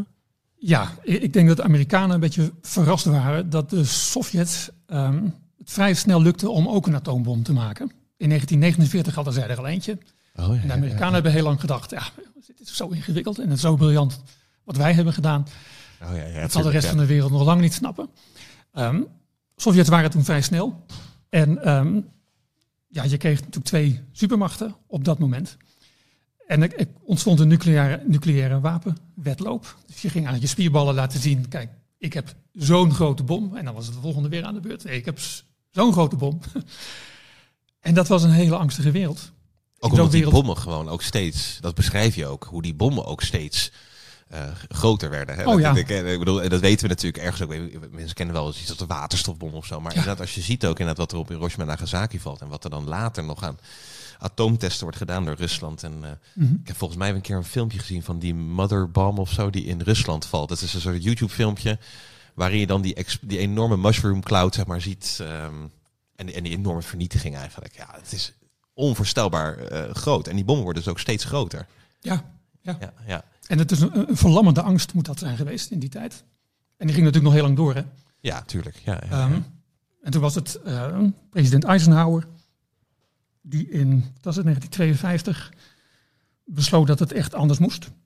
Ehm, Eisenhower had zelf een verleden in het, eh, in het leger, als generaal. Ehm, was te- werd trouwens nog ooit rondgevlogen door Paul Tibbets op weg naar Noord-Afrika, waar hij de invasie eh, moest leiden. Eisenhower, Ah, ja. maar dat geheel terzijde. Eisenhower wilde mensen hoop bieden. En heeft toen een prachtige speech gehouden in de Verenigde Naties bij de Algemene Vergadering. En zijn speech werd bekend als Atoms for Peace. En hij wilde het atoom uit de handen van de soldaten halen en in de handen van de, ja, van de arbeiders eigenlijk. En hij wilde zorgen dat er toezicht zou komen op uranium, eh, toezicht zou komen op, eh, op de productie van eh, op kernenergie uiteindelijk. En hij wilde dat, er, dat, er, dat het atoom werd aangewend om juist energiecentrales eh, te, gaan, eh, te gaan Ja, bouwen. om er echt een positieve eh, draai aan te geven. En ook te zoeken toch ook vooral naar mogelijkheden om een positieve draai te geven aan deze nieuwe, nieuwe Ja, ontdekte energie. Zeker, ja. ja en, die, en die waren er volop, die mogelijkheden. Ehm, radioactiviteit kon ook worden gebruikt in de landbouw bijvoorbeeld, om gewassen Ja, ja. beter te beschermen. In de gezondheidszorg werd het natuurlijk al, al gebruikt om mensen te, te herstellen van, van vreselijke ziektes die, die tot dat moment nog eh, gewoon niet goed behandelbaar eh, waren. Ja, je kon het ook gebruiken om zeker. water te ontzilten bijvoorbeeld. Hè. Maar daar heb je gewoon heel veel elektriciteit voor nodig. En op heel veel plekken is er ja, waterschaarste bijvoorbeeld. Ja, of eh, het- water dat er is, is zout. Ehm, dus eindeloos veel mogelijkheden en eindeloos veel technologisch optimisme uiteindelijk daar. Ja, ja, zeker. Over de, over de mogelijkheden van, van het atoom. Ja. Ja. ja, ik heb zelf een keer een artikeltje geschreven over atoomtuinieren. Dat is inderdaad, er testsites kwamen waar dan, volgens mij is het een, kobal, een stuk kobalt 60. Ik, ik weet Ja. het niet precies, maar dat zit dan in, in zo'n on- ondergrondse lode kamer als het ware. En dat kwam dan omhoog. En daar stonden dan in zo'n concentrische cirkels stonden daar planten omheen geplant. En het idee was dan die muteerden en daar zaten mutaties tussen die mogelijk... En dat is tegenwoordig natuurlijk trouwens, we weten van mutagene stoffen. Ehm, maar dat werd dan inderdaad, die mutaties die zouden dus mogelijk handig kunnen zijn inderdaad voor de landbouw. Dus eh, bijvoorbeeld onze pepermunt, de, de variëteit die wij tegenwoordig gebruiken, is in een van die atoomtuinen voor het eerst opgekweekt. En er zijn nog een aantal, een aantal andere eh, voedselproducten, zeg maar. Maar er werden bijvoorbeeld ook tulpenbollen verkocht die dan bestraald waren. Ook met een beetje die gedachte van, oh, er kan iets helemaal nieuws ontstaan hier, weet je. Dus dan die tulpenbol, daar kan misschien wel een bloem uitkomen. ja, die op allerlei manieren uh, nou, misschien positief gemuteerd is. Mm weet je wel? Mutaties waren niet altijd negatief. Ik vond het wel heel erg grappig om überhaupt om te lezen dat inderdaad hoe positief, of tenminste hoe men dan poogde eigenlijk inderdaad om die atoomenergie op een positieve manier aan te wenden. Mm Dat tuinieren, ja. ja. ja. Maar kernenergie natuurlijk, of kernenergie is natuurlijk eigenlijk het grote voorbeeld van wat ook slaagt uh, van het Atoms for Peace, toch? Dat is, dat is, er zijn ook al van die andere projectjes en zo geweest. Ja, ja. En, uh, ja nee, absoluut. Amerika heeft uh, allerlei landen geholpen, ook Nederland trouwens, in petten, om, om kernreactoren op te zetten, kernenergieprogramma's. Um, Congo, als dank voor het levering van de uranium, heeft oh, ook een onderzoeksreactor gekregen, of all places. België werd natuurlijk ook, ook daarvoor bedankt. Um, zo probeerde Amerika eigenlijk gewoon de banden aan te halen met hun bondgenoten, maar ook ja. naar juist andere landen uh, uit te reiken, die misschien onder de invloedssfeer van de Sovjets uh, zouden komen. Natuurlijk, ja, dat speelt ook mee. En wanneer je toezicht houdt op, op uranium, ja, dan, dan, dan, dan heb je natuurlijk veel beter door wat er allemaal uh, wat er gebeurt. Ze willen natuurlijk niet dat de Sovjets stiekem allerlei vuile trucjes gingen uithalen. En krijg je dan ook uh, vrij vlug ook dat je bepaalde raden krijgt, veiligheidsraden krijgt of instanties krijgt die ook gaan toezien op nee, klopt, um, dus, proliferatie of wat ook of zo? Ja, ja, ja, je kreeg het Internationaal Atoomenergieagentschap en die hield toezicht, toezicht op, um, op het atoom. En dat is nog steeds zo, hè? Ja, hè? ja en die heeft ook daarvoor een Nobelprijs voor de Vrede ontvangen. Ja, ja, want ook als je tegenwoordig, als de, nou ja, stel je zou als land erin willen openen, moet je ook een enorme papperassen en de controles en uh, allemaal dingen oh, ja. Ja, toch? Je, je, moet echt enorm, uh, laten we zeggen, alle inzage geven in wat je allemaal precies gaat ja. doen. Uh, je ja. kan dat echt niet zomaar aan beginnen, aan zo'n aan zo'n project. Nee, zeker niet. Nee, nee, nee. En dan zie je dus ook dat in Nederland het enthousiasme wel een beetje opkomt. Je zegt al, in, in, in petten gaan ze, gaan ze ermee mee aan de haal. En er komt een soort tentoonstelling waarover schrijft, op Schiphol. Klopt, ja, ja. Ja, in 1957 hebben we het dan over. Ja, het is magie. Dit, dit, dit is een tentoonstelling op Schiphol. Waar, nou zeg ik het uit mijn hoofd, dat het nou 750.000 mensen die daar naartoe gingen in, in, in drie maanden tijd. Dat is flink. Ongelooflijke hoeveelheid ja. mensen. En, en bij, die, bij die tentoonstelling, ja, het hoogtepunt van de tentoonstelling was, de, uh, was een soort bad met uh, waar we, uh, een bad waar het blauwe licht in te zien was. En, en dus je moest een trappetje op en dan kon je zo erin spieken. Het gaat hier om de kernreactor die nu ook in, in Delft staat. Is nu de onderzoeksreactor. Uh, ah ja, ja, ja, ja, ja. En, en da, da, daar kon je een glimp opvangen van, uh, van de toekomst. Hè. En, en ja, in de jaren 50. Dit is een tijd van de wederopbouw, van, van een ongelofelijke groei aan welvaart. Hè. De productiviteit ging overal omhoog. In de landbouw natuurlijk, uh, met onze gewassen. Maar ook in, in fabrieken werd de productiviteit steeds hoger. Alles was mogelijk. Mensen konden zich een auto veroorloven. Er kwam een televisie in huis, zwart-wit televisie natuurlijk, ja. toen nog. Ja. Dus er was van alles mogelijk. En, en kernenergie was toch echt wel de verbeelding. Het was een soort, volgens mij werd die tentoonstelling ook geopend met een toverstaf. Dus je had toen het koninklijk paar. En, en, en, en dan had de koningin, of het was misschien prins Bernhard, die, die, die, die een toverstaf in zijn hand had. En die Ja. opende daarmee, uh, nou, die gaf daarmee dan het startschot voor, uh, voor kernenergie in Nederland. En ergens misschien ook al, ja, het is misschien ergens ook al in te denken als je ook inderdaad weet van, nou ja, goed, je hebt kolencentrales, gascentrales. En dan heb je in één keer iets wat eigenlijk gewoon meer lijkt op een soort bedrijfsterrein. Hè? Het is, het is, je hebt niet meer die pijpleidingen, je Mhm. hebt niet die roken dus schoorsteen. Het is echt een beetje een, ja, het ziet er ook, ja, ik bedoel, het is natuurlijk een reactor daar niet van. Ik bedoel, het is een groot gebouw, maar niet te min is het eigenlijk, het ziet er heel bedrijfs, bedrijfachtig uit of zo. Hè? Het is ook, Ja, en, en heel clean vooral. ja, ja, ja, ja, precies. Ik, ik, ik schrijf dat ook wel in mijn boek. Het, ehm, we waren er gewoon niet, niet aan gewend. Het enige wat wij kenden was dat we ergens eh, de fik instaken. Ja. Of dat nou hout was, of later kolen, daar kun je nog meer energie uit halen. Hè. Of het is gas of, of olie, maar je, je zet er een vuurtje onder en dan heb je iets. Dan heb je natuurlijk nog de natuur aan de andere kant. Dus je hebt wind in de zeilen bijvoorbeeld, of uh, een molen. Dat kun je ook met vallend water Ja. doen. We. Dat is allemaal zichtbaar en, en ontzettend simpel. En dan heb je ineens de kerncentrale. En dat is een, een fabriek. En, en ja, wat daarin gebeurt, dat is magie uiteindelijk. Het, Ja, splijten van atomen. Niemand heeft ooit een atoom gezien. Ja, met regelstaven van vreemde mineralen. eh, Precies, weet ja. je. Het is Ja, natuurlijk inderdaad... En, en, de, en, de mensen die daarmee bezig waren, de nucleaire industrie die toen werd eh, opgezet, die hield dat beeld ook heel erg in stand. Die, die legden niet zozeer ook iets uit wat zij deden. En als ze het trouwens al Oh, uitlegden, grappig, dan was het in een taal die natuurlijk helemaal niemand begreep. Want het is abacadabra voor heel veel Tuurlijk, ja, die kernfysica, die kan bijna niet volgen natuurlijk. Nee, ja, ja, nee, nee. natuurlijk, ja. Dus die industrie we- werkt daar heel erg aan mee. Eh, er is een prachtig filmpje van Walt Disney dat op YouTube te zien is. ehm, Our Friend the Atom. En dat laat ook heel erg die, ehm, eh, ook wel een beetje de arrogantie zien van de, van de kerngeleerden die, die met dit onderwerp bezig zijn. Ze vinden ook dat ze echt iets ontzettend goeds doen voor de wereld. Zij brengen schone energie in gigantische hoeveelheden naar de mensheid toe. En er is niemand die begrijpt hoe dat precies moet, maar zij weten het wel. Ja. Ja. Ja. En ik denk dat zij wel genoten van die status op dat moment. Het was natuurlijk ook, ja, ook, ook dit moet je weer plaatsen in de tijd. Hè. De jaren 50, het was een top-down eh, samenleving natuurlijk. Je luisterde naar de autoriteiten, naar de experts. In de jaren 60 ging dat echt wel, eh, ging dat om, dat hele beeld. Maar toen was het, ja, zo was die wereld. Hè. Er waren de, de- Ja, en er was toch ook, en er was ook een soort wetenschapsgeloof. En ook wel, er waren natuurlijk fantastische ontdekkingen. Je, je schrijft zelf over röntgen bijvoorbeeld inderdaad. Maar je hebt natuurlijk ook eh, de dubbele helix van DNA. Je krijgt natuurlijk in een heel rap tempo krijg je hele complexe eh, ontdekkingen, hele complexe theorieën ook. Eh, ik kan me ook voorstellen dat het gewoon wat moeilijk zich laat vertalen. Zeker als dat Mhm. nog zo, zo vers in, zo, zo vers is allemaal. Maar je ziet toch wel dat, laten we zeggen, er daardoor problemen ontstaan. Ik bedoel, ik kan me ook wel goed voorstellen dat doordat het een beetje een bastion was, of een beetje een ivoren toren eh, iets, dat ook de kritiek zich op een hele eh, aparte manier kon verspreiden en ook met allerlei mythes en zo aan de haal kon gaan hierover. Want je ziet, nou, je schrijft zelf dat in de eerste protestmars in Nederland is het uit 61, dus dan zitten we zo'n vier jaar naast dat enthousiasme waarmee die tentoonstelling eigenlijk, eh, en dus ook die Ja. nieuwe energie wordt omarmd hier, hier in Nederland. Wat is de... een protest tegen atoombommen. Hè? Ah, dat is een, protoombommen. Ja, ja, ja. Maar in de beleving van veel mensen was het allemaal hetzelfde. ja, ja. En dat is ook heel logisch, want de, de, de, de hele techniek is natuurlijk op hetzelfde principe gebaseerd. De Ja. splijting van atomen. Ehm, het waren natuurlijk ook de landen die, met, die kernwapens hadden, die met kernenergie bezig eh, gingen. Dat is natuurlijk ook waar, ja. ja. En waren de- het waren soms- natuurlijk ook gestationeerd hier. Ja, Ja, ja, het waren dezelfde ja. mensen, soms dezelfde instanties die toezicht hielden op en atoombommen en kerncentrales. Dus het liep allemaal in elkaar over.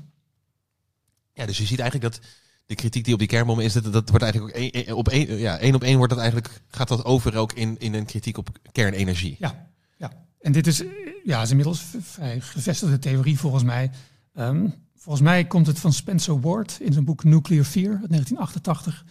ehm, waarin hij een psychologisch, een bekend psychologisch fenomeen eh, hiervoor beschrijft. En dat fenomeen is eh Verschiebung. Eh, wij- wij zeggen, ik denk dat wij zeggen verplaatsing. Ja, ja, ja. Ehm, ja, waarbij we- ja. Het, het klassieke voorbeeld is dat je in je werk problemen hebt met je baas, maar je durft dat niet met je baas te bespreken. En je komt thuis en je geeft af op je kinderen Ja, ja, vrouw. ja. Dat is verplaatsing. Dit, hetzelfde fenomeen doen we op allerlei manieren. En we doen het waarschijnlijk ook met kernenergie. Zeker in het begin. De angst was natuurlijk een nucleaire oorlog die ook verschrikkelijk zou zijn. Zo verschrikkelijk dat mensen daar niet aan wilden denken. En ze hadden er sowieso ook helemaal geen controle op. Hè? Nee. Je ziet natuurlijk, je hoort alleen maar berichten over elke keer grotere proeven. Oh ja, Eh, van, van, van, kernsplijting tot Ja. uiteindelijk ook kernfusie, waterstofbommen. Dingen Dus er die... kwamen protesten tegen, tegen, tegen de atoomproeven. Ze dachten nou, als we die atoomproeven nou tegenhouden, dan stopt dat wel. Mhm. Toen dat verbod er overigens kwam, was het verbod op bovengrondse atoomproeven en gingen de atoomproeven ondergronds door. Zelfs nog vaker dan ooit tevoren. Maar goed, ehm, Ja, is het zo? Van iets over- misschien kan je, daar, kan je daar iets over in. Want ik, ik kan me dat slecht voorstellen. Het is een ondergrondse atoomproef. Ik, eh, volgens mij is het ook iets wat. eh, nou, waar er ook berichten over zijn in Noord-Korea, waar natuurlijk ook inderdaad eh, kernwapens. Hoe ga, eh, moet je dan denken gewoon aan een diepe mijnschacht waar je zoiets in ik denk het. Ja, ik denk het. Ja, ik heb het nooit echt eh, in verdiept hoe dat dan precies is gegaan. Maar Ja, ja, ja. ik denk dat het op die manier moet zijn gegaan. Ja. Moet haast wel, toch? Ja, ik bedoel, dat kan natuurlijk ook eigenlijk niet anders. Maar En dan kun je alsnog allerlei meetapparatuur opstellen, want daar gaat het vaak om. Hè? Dat je wil weten wat de gevolgen precies zijn, tuurlijk. o- welk mechanisme onder welke omstandigheden werkt, et cetera. Ze willen toch aan het begin ook zelfs kijken of ze gewoon de maan een keer gewoon, als ze daar een keer een kernraket op kunnen gooien, dat er gewoon, om te kijken wat er gebeurt. Dat Volgens mij je ook, wel. Ja, ja, volgens mij wel. Ja, het was eh, absurd hoe. is eh, absurd, ja. Dat is echt absurd. Maar je ziet dus eigenlijk inderdaad, ja, dus bijna als een soort substituut. Ja. Krijg je dus inderdaad een, een eh, waar eerst kernwapens natuurlijk de grote kritiek Mhm. oogsten, krijg je dan dat kernenergie op een gegeven moment ook kritiek gaat ogen. Omdat mensen denken, het is gewoon hetzelfde laken en pak. Het is hetzelfde. Het, het is een soort atoombom en er komt nu stroom uit. Maar er hoeft maar iets te gebeuren en dat ding kan, kan ontploffen. Ja. En het is natuurlijk ook weer een atoombom. Ja, ja, natuurlijk. Ja, ja. En dan zie en dan in de beleving van mensen. in de beleving van mensen. Ja, dat is wel heel dat kan belangrijk. natuurlijk helemaal niet hè, op die manier. Even gewoon toch even techniek voor, Ja, ja, voor de ja, verandering. Eh, uranium moet worden verrijkt zodat het, het deel van uranium dat splijtbaar is eh, groter wordt. Voor een atoombom moet je dat heel erg ver gaan, eh, gaan verrijken. In een kerncentrale gebeurt dat maar tot eh, wat is het 5% zeg maar. Dus eh, zodat je een, een klein ik, in mijn boek vergelijk ik het volgens mij met, wat is het ook alweer, een, een atoombom moet je zien als een, ehm een tijdje geleden dat ik het heb gezegd. ja, ja, ja. in ieder geval, de kerncentrale is het wierookstokje. Ja, oh ja, dat En dan, ja, en dan is de atoombom is de uit de kluiten gewassen eh, dynamietstaaf, zeg maar. Ja, ja, ja, ja, ja, precies. Dat is eigenlijk een beetje het verschil, orde van grootte. Ja, Ja. ja. Dus in de menselijke beleving is het Maar in de hetzelfde. beleving is het hetzelfde. Ja, Ja. ja. En, en dan zie je ook dat, zeker aan het begin, er ook wel wat milieuorganisaties zijn die zich gaan. En, en, en één kleurrijk figuur trouwens, eh, of kleurrijk, ja, Günther Schwab, die eh, Ja. ook bekend wordt als een soort ah, anti-atoom eh, held, toch? Ja, ja. Klopt. Hij, hij- wordt gezien als ja, een van de pioniers van de anti-kernenergiebeweging, grondleggers. Ehm het is wel grappig, hè? Ik, die naam zei mij helemaal niets. En nog steeds is Gunther Schwab niet een heel bekende Ik moest ook googelen toen ik het in je boek las. Ja, ik, kwam hem tegen omdat ik een, eh, een verhaal las van Jannie Muller. En zij wordt gezien als de moeder van de Nederlandse anti-kernenergiebeweging. En Zij, had het ergens over. Zij was op een biologisch dynamische boerderij van haar zus in Duitsland geweest. En ze kwam daar een folder tegen over kernenergie. En dat vond ze allemaal heel erg zorgwekkend. Dit is begin jaren zeventig. Mhm. En zij dacht, dit moeten we in Nederland ook eh, weten. En zij noemde toen een naam, voor mij had zij het ook verkeerd, eh, in ieder geval stond er verkeerd geschreven, Gunther Schwab. Ik zat eindeloos te googlen en allerlei manieren van spelling. En toen kwam ik op de Gunther Schwab, de auteur van het boek uh, Der Tanz mit dem Teufel, eh, bij de duivel te gast, verschenen in 1958. Of ik inderdaad dans met de duivel zou misschien nog mooier zijn, want dat is inderdaad... ja, ja, ja, ja, ja, ja, ja, helaas, de, de Nederlandse uitgever van dat moment... het niet, nee. Nee. En, en, en in dat boek eh, gaat het over een duivelsgenootschap. En die vertellen aan de opperduivel wat zij allemaal hebben bedacht om de mensheid op aarde uit te roeien. En in een van de laatste hoofdstukken komt dan de chef van Atoomdood eh, tevoorschijn. En die chef, die, die duivel, die heeft over de schouders meegekeken van de kernfysici die rond 1900 begonnen te klooien met dat atoom. En hij, hij zat te gniffelen hoe ze dan eerst die atoombom hadden bedacht. En, maar dan later ging het dan verder onder het dekmantel van de kerncentrale. Maar oh, al die straling die vrijkomt uit alleen al de schoorsteen van een, uh, van een kerncentrale. Het maakt mensen in de wijde omtrek uh, ziek. En het is allemaal onzichtbare straling die vrijkomt. En de afvalbergen zullen ze eindeloos opstapelen. En daar komen ze nooit meer vanaf. Alle argumenten eigenlijk die je nu nog steeds ziet, ja. zitten ja. in dat boek uit 1958 van Gunther Schwab. Ja, dat is vreemd hè, dat, dat er eigenlijk wat dat betreft op het gebied van de kritiek eigenlijk op kernenergie eigenlijk heel weinig verandert. Dat het heel erg in dezelfde, um, ja, dezelfde kritiek eigenlijk blijft door de jaren heen. Het is toch ook altijd wel. Ik vind het ook altijd, er zit altijd ook gewoon een soort Prometheus kantje aan. Hè? Of een, soort, en een soort doos van Pandora kantje aan. Het is een soort, we ontdekken iets waarvan we eigenlijk niet goed weten. En we gaan eigenlijk op onze eigen grens heen. Het is een soort hubris. Dat zit, dat zit er voor een deel ook in, toch? Dat je, dat je een, een soort angst voor je eigen, voor je eigen optreden in de wereld. Ja. ja. Nee, dat, dat klopt wel, ja. Uh, Prometheus die, die het vuur naar de wereld bracht, was ook alweer het... Ja, de techne aan de, aan de, zoals Hermes zegt, aan de eendagsvliegen geeft. Hè? Dus dat zijn dan de mensen. Die, ah, die krijgen ja. iets wat ze dus eigenlijk niet... Mm -hmm. Ja, een cadeautje wat ze niet, waarvan ze eigenlijk niet kunnen overzien wat daar de consequenties van zijn. Ja, ja. ja. ja. En dat heb je natuurlijk al, dat heb je natuurlijk ook wel eens als je wetenschap bezig hoort. Hè? Dat, dat, dat ik leerde bijvoorbeeld inderdaad, nou ja, dat hebben heel veel mensen moeten, moeten leren de laatste jaren over gain of function research in virussen. Nou, dat was toch wel iets dat ik dacht van, jemig, moet je dat nou gaan zitten doen mm, met elkaar? Ja. Moet, je het nou, moet je nou virussen uh, ja, effectiever maken? Dat is misschien wel, hè, dat, dat, en dat is misschien met kernenergie ook wel, dat het ook zoiets is van, is het niet hubris van de mens om dat te willen? En je ziet natuurlijk ook ergens wel ergens die hubris, als je dat, als je dat enthousiasme ook ziet, denk je ook van, dat is ook wel hubris om te denken, ook oh, schiet gewoon een kernraket op de maan, gewoon kijken wat er gebeurt of zo. Hè? Dat, uh... Ja, waar zit de grens dan, hè? Ik, ik, ik, ik ja, ik, ik, geloof niet dat dit hoogmoed is. Wat is het alternatief? Zeg maar, als ja, je het niet dat doet, is ook zo. Ja, ja zeker. Ja, dan, dan blijven we eindeloos het vuurtje zetten onder kolen en hout en gas en olie. Ja, ja dat nee, kan. is, is, dat dan, ja, of is dat ook al hubris? Dat zou nog kunnen hoor. Dat we dat ook niet moeten doen. Ja.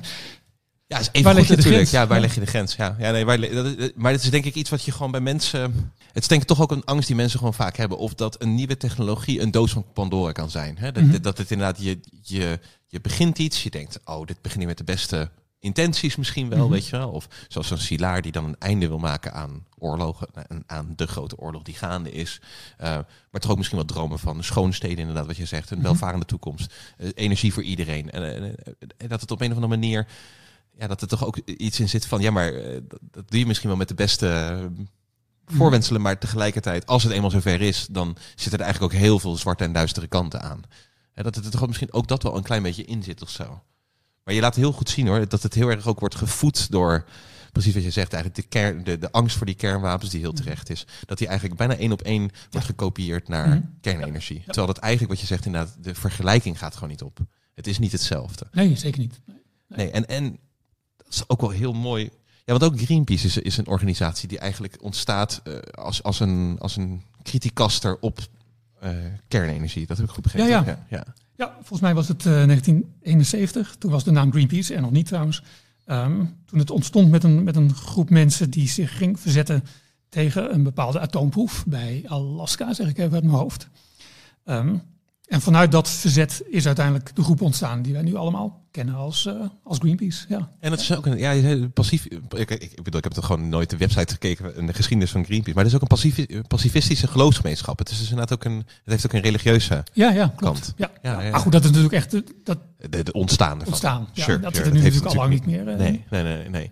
Overigens een heel mooi idee hoor van die religieuze gemeenschap. Die, zij, zij hebben een, een, een, een bepaald principe dat je getuige moet zijn eh, van, van leed bijvoorbeeld in de wereld. Dus hun idee was om naar die plek te gaan waar die atoomproef werd gehouden. Om te kunnen zien wat voor enorme schade eh, daar zou zijn. Ah, Dus het idee ja, is eigenlijk, ik, ik vind het een prachtig idee. En, en Greenpeace heeft dat ook gedaan hoor, trouwens, met, met een boot. Door te varen op een plek waar een atoomproef was gepland. Maar doordat zij daar waren, kon die atoomproef natuurlijk niet doorgaan. Ja, ja, Het- ja, ja, ja. eigenlijk is het een briljante actie natuurlijk. Ja. ja, zeker. Heel slim inderdaad.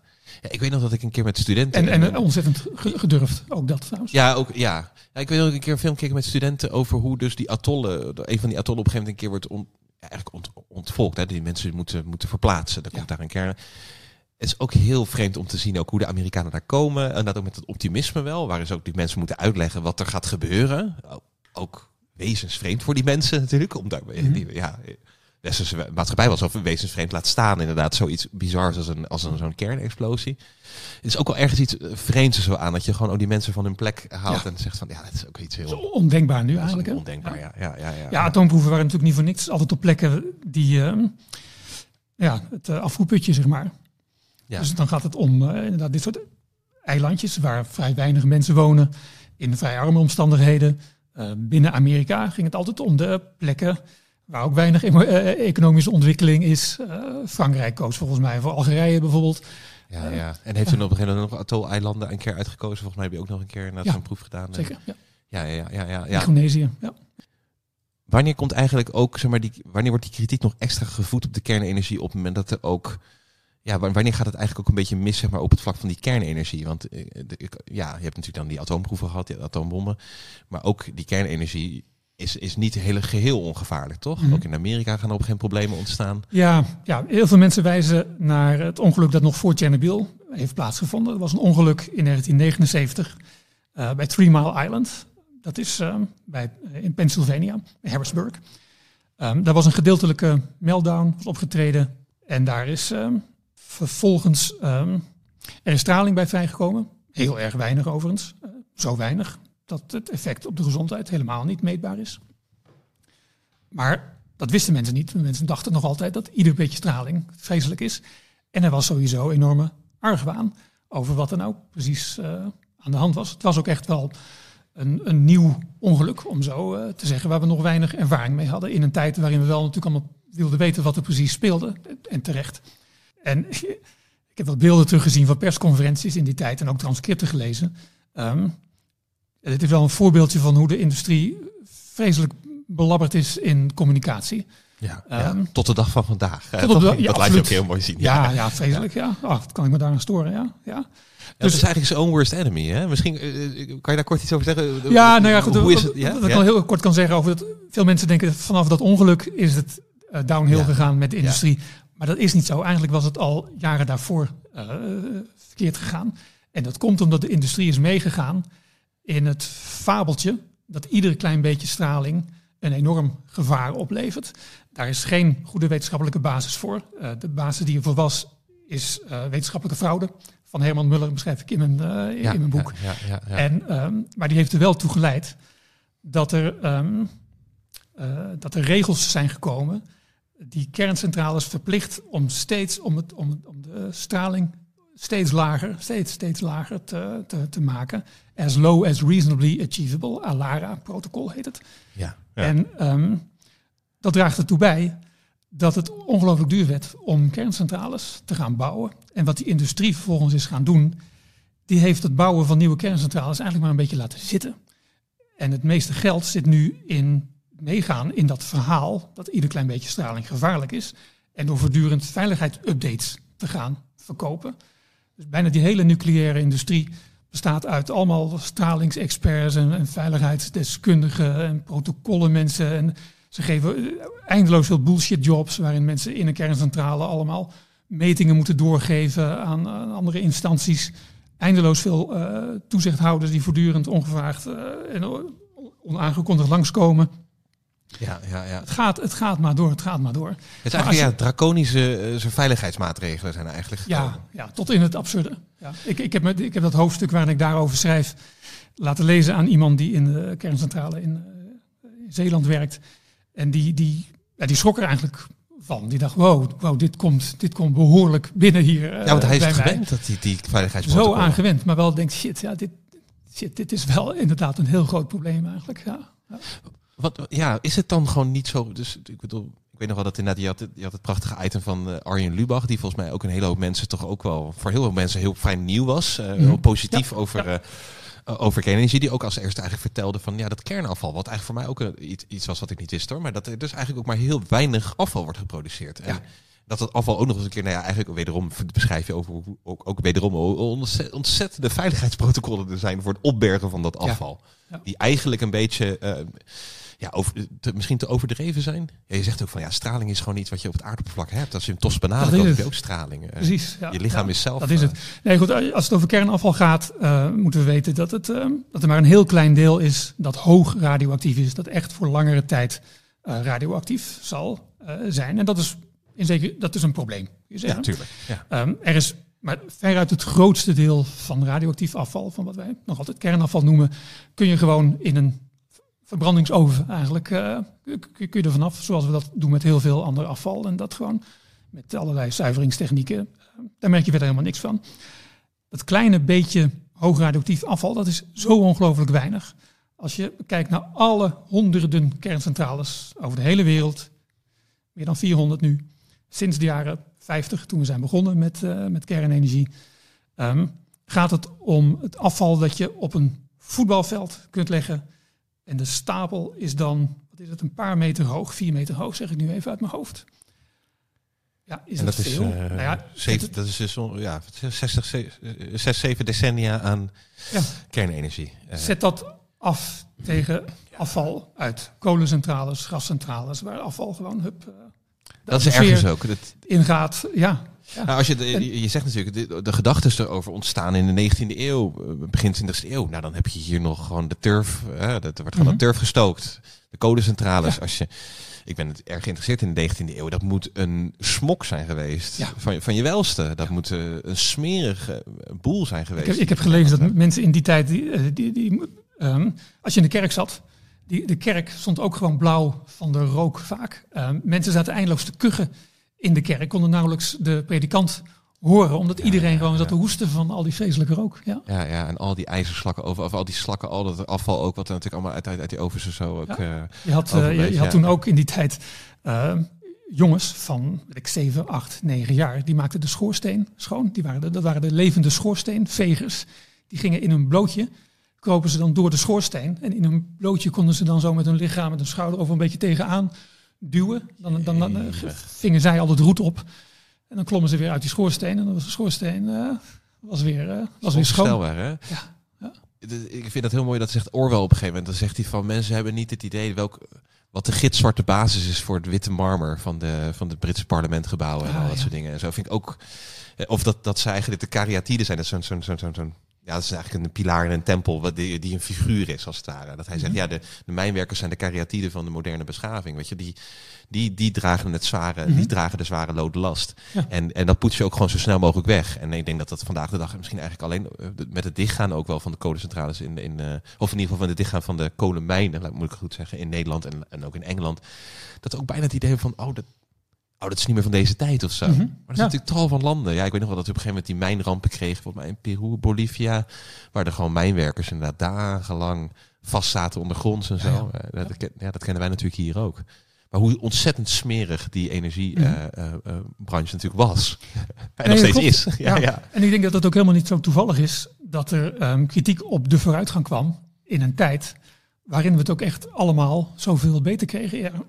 Denk dan vooral weer in de jaren 50, waarin inderdaad mensen een televisie in huis hadden en een auto op stoep. Ja, ja. Um, in die tijd ontstond er een beetje ongemak. En dat, dat is ging nog steeds verder aanzwellen in de jaren 60 en de jaren 70.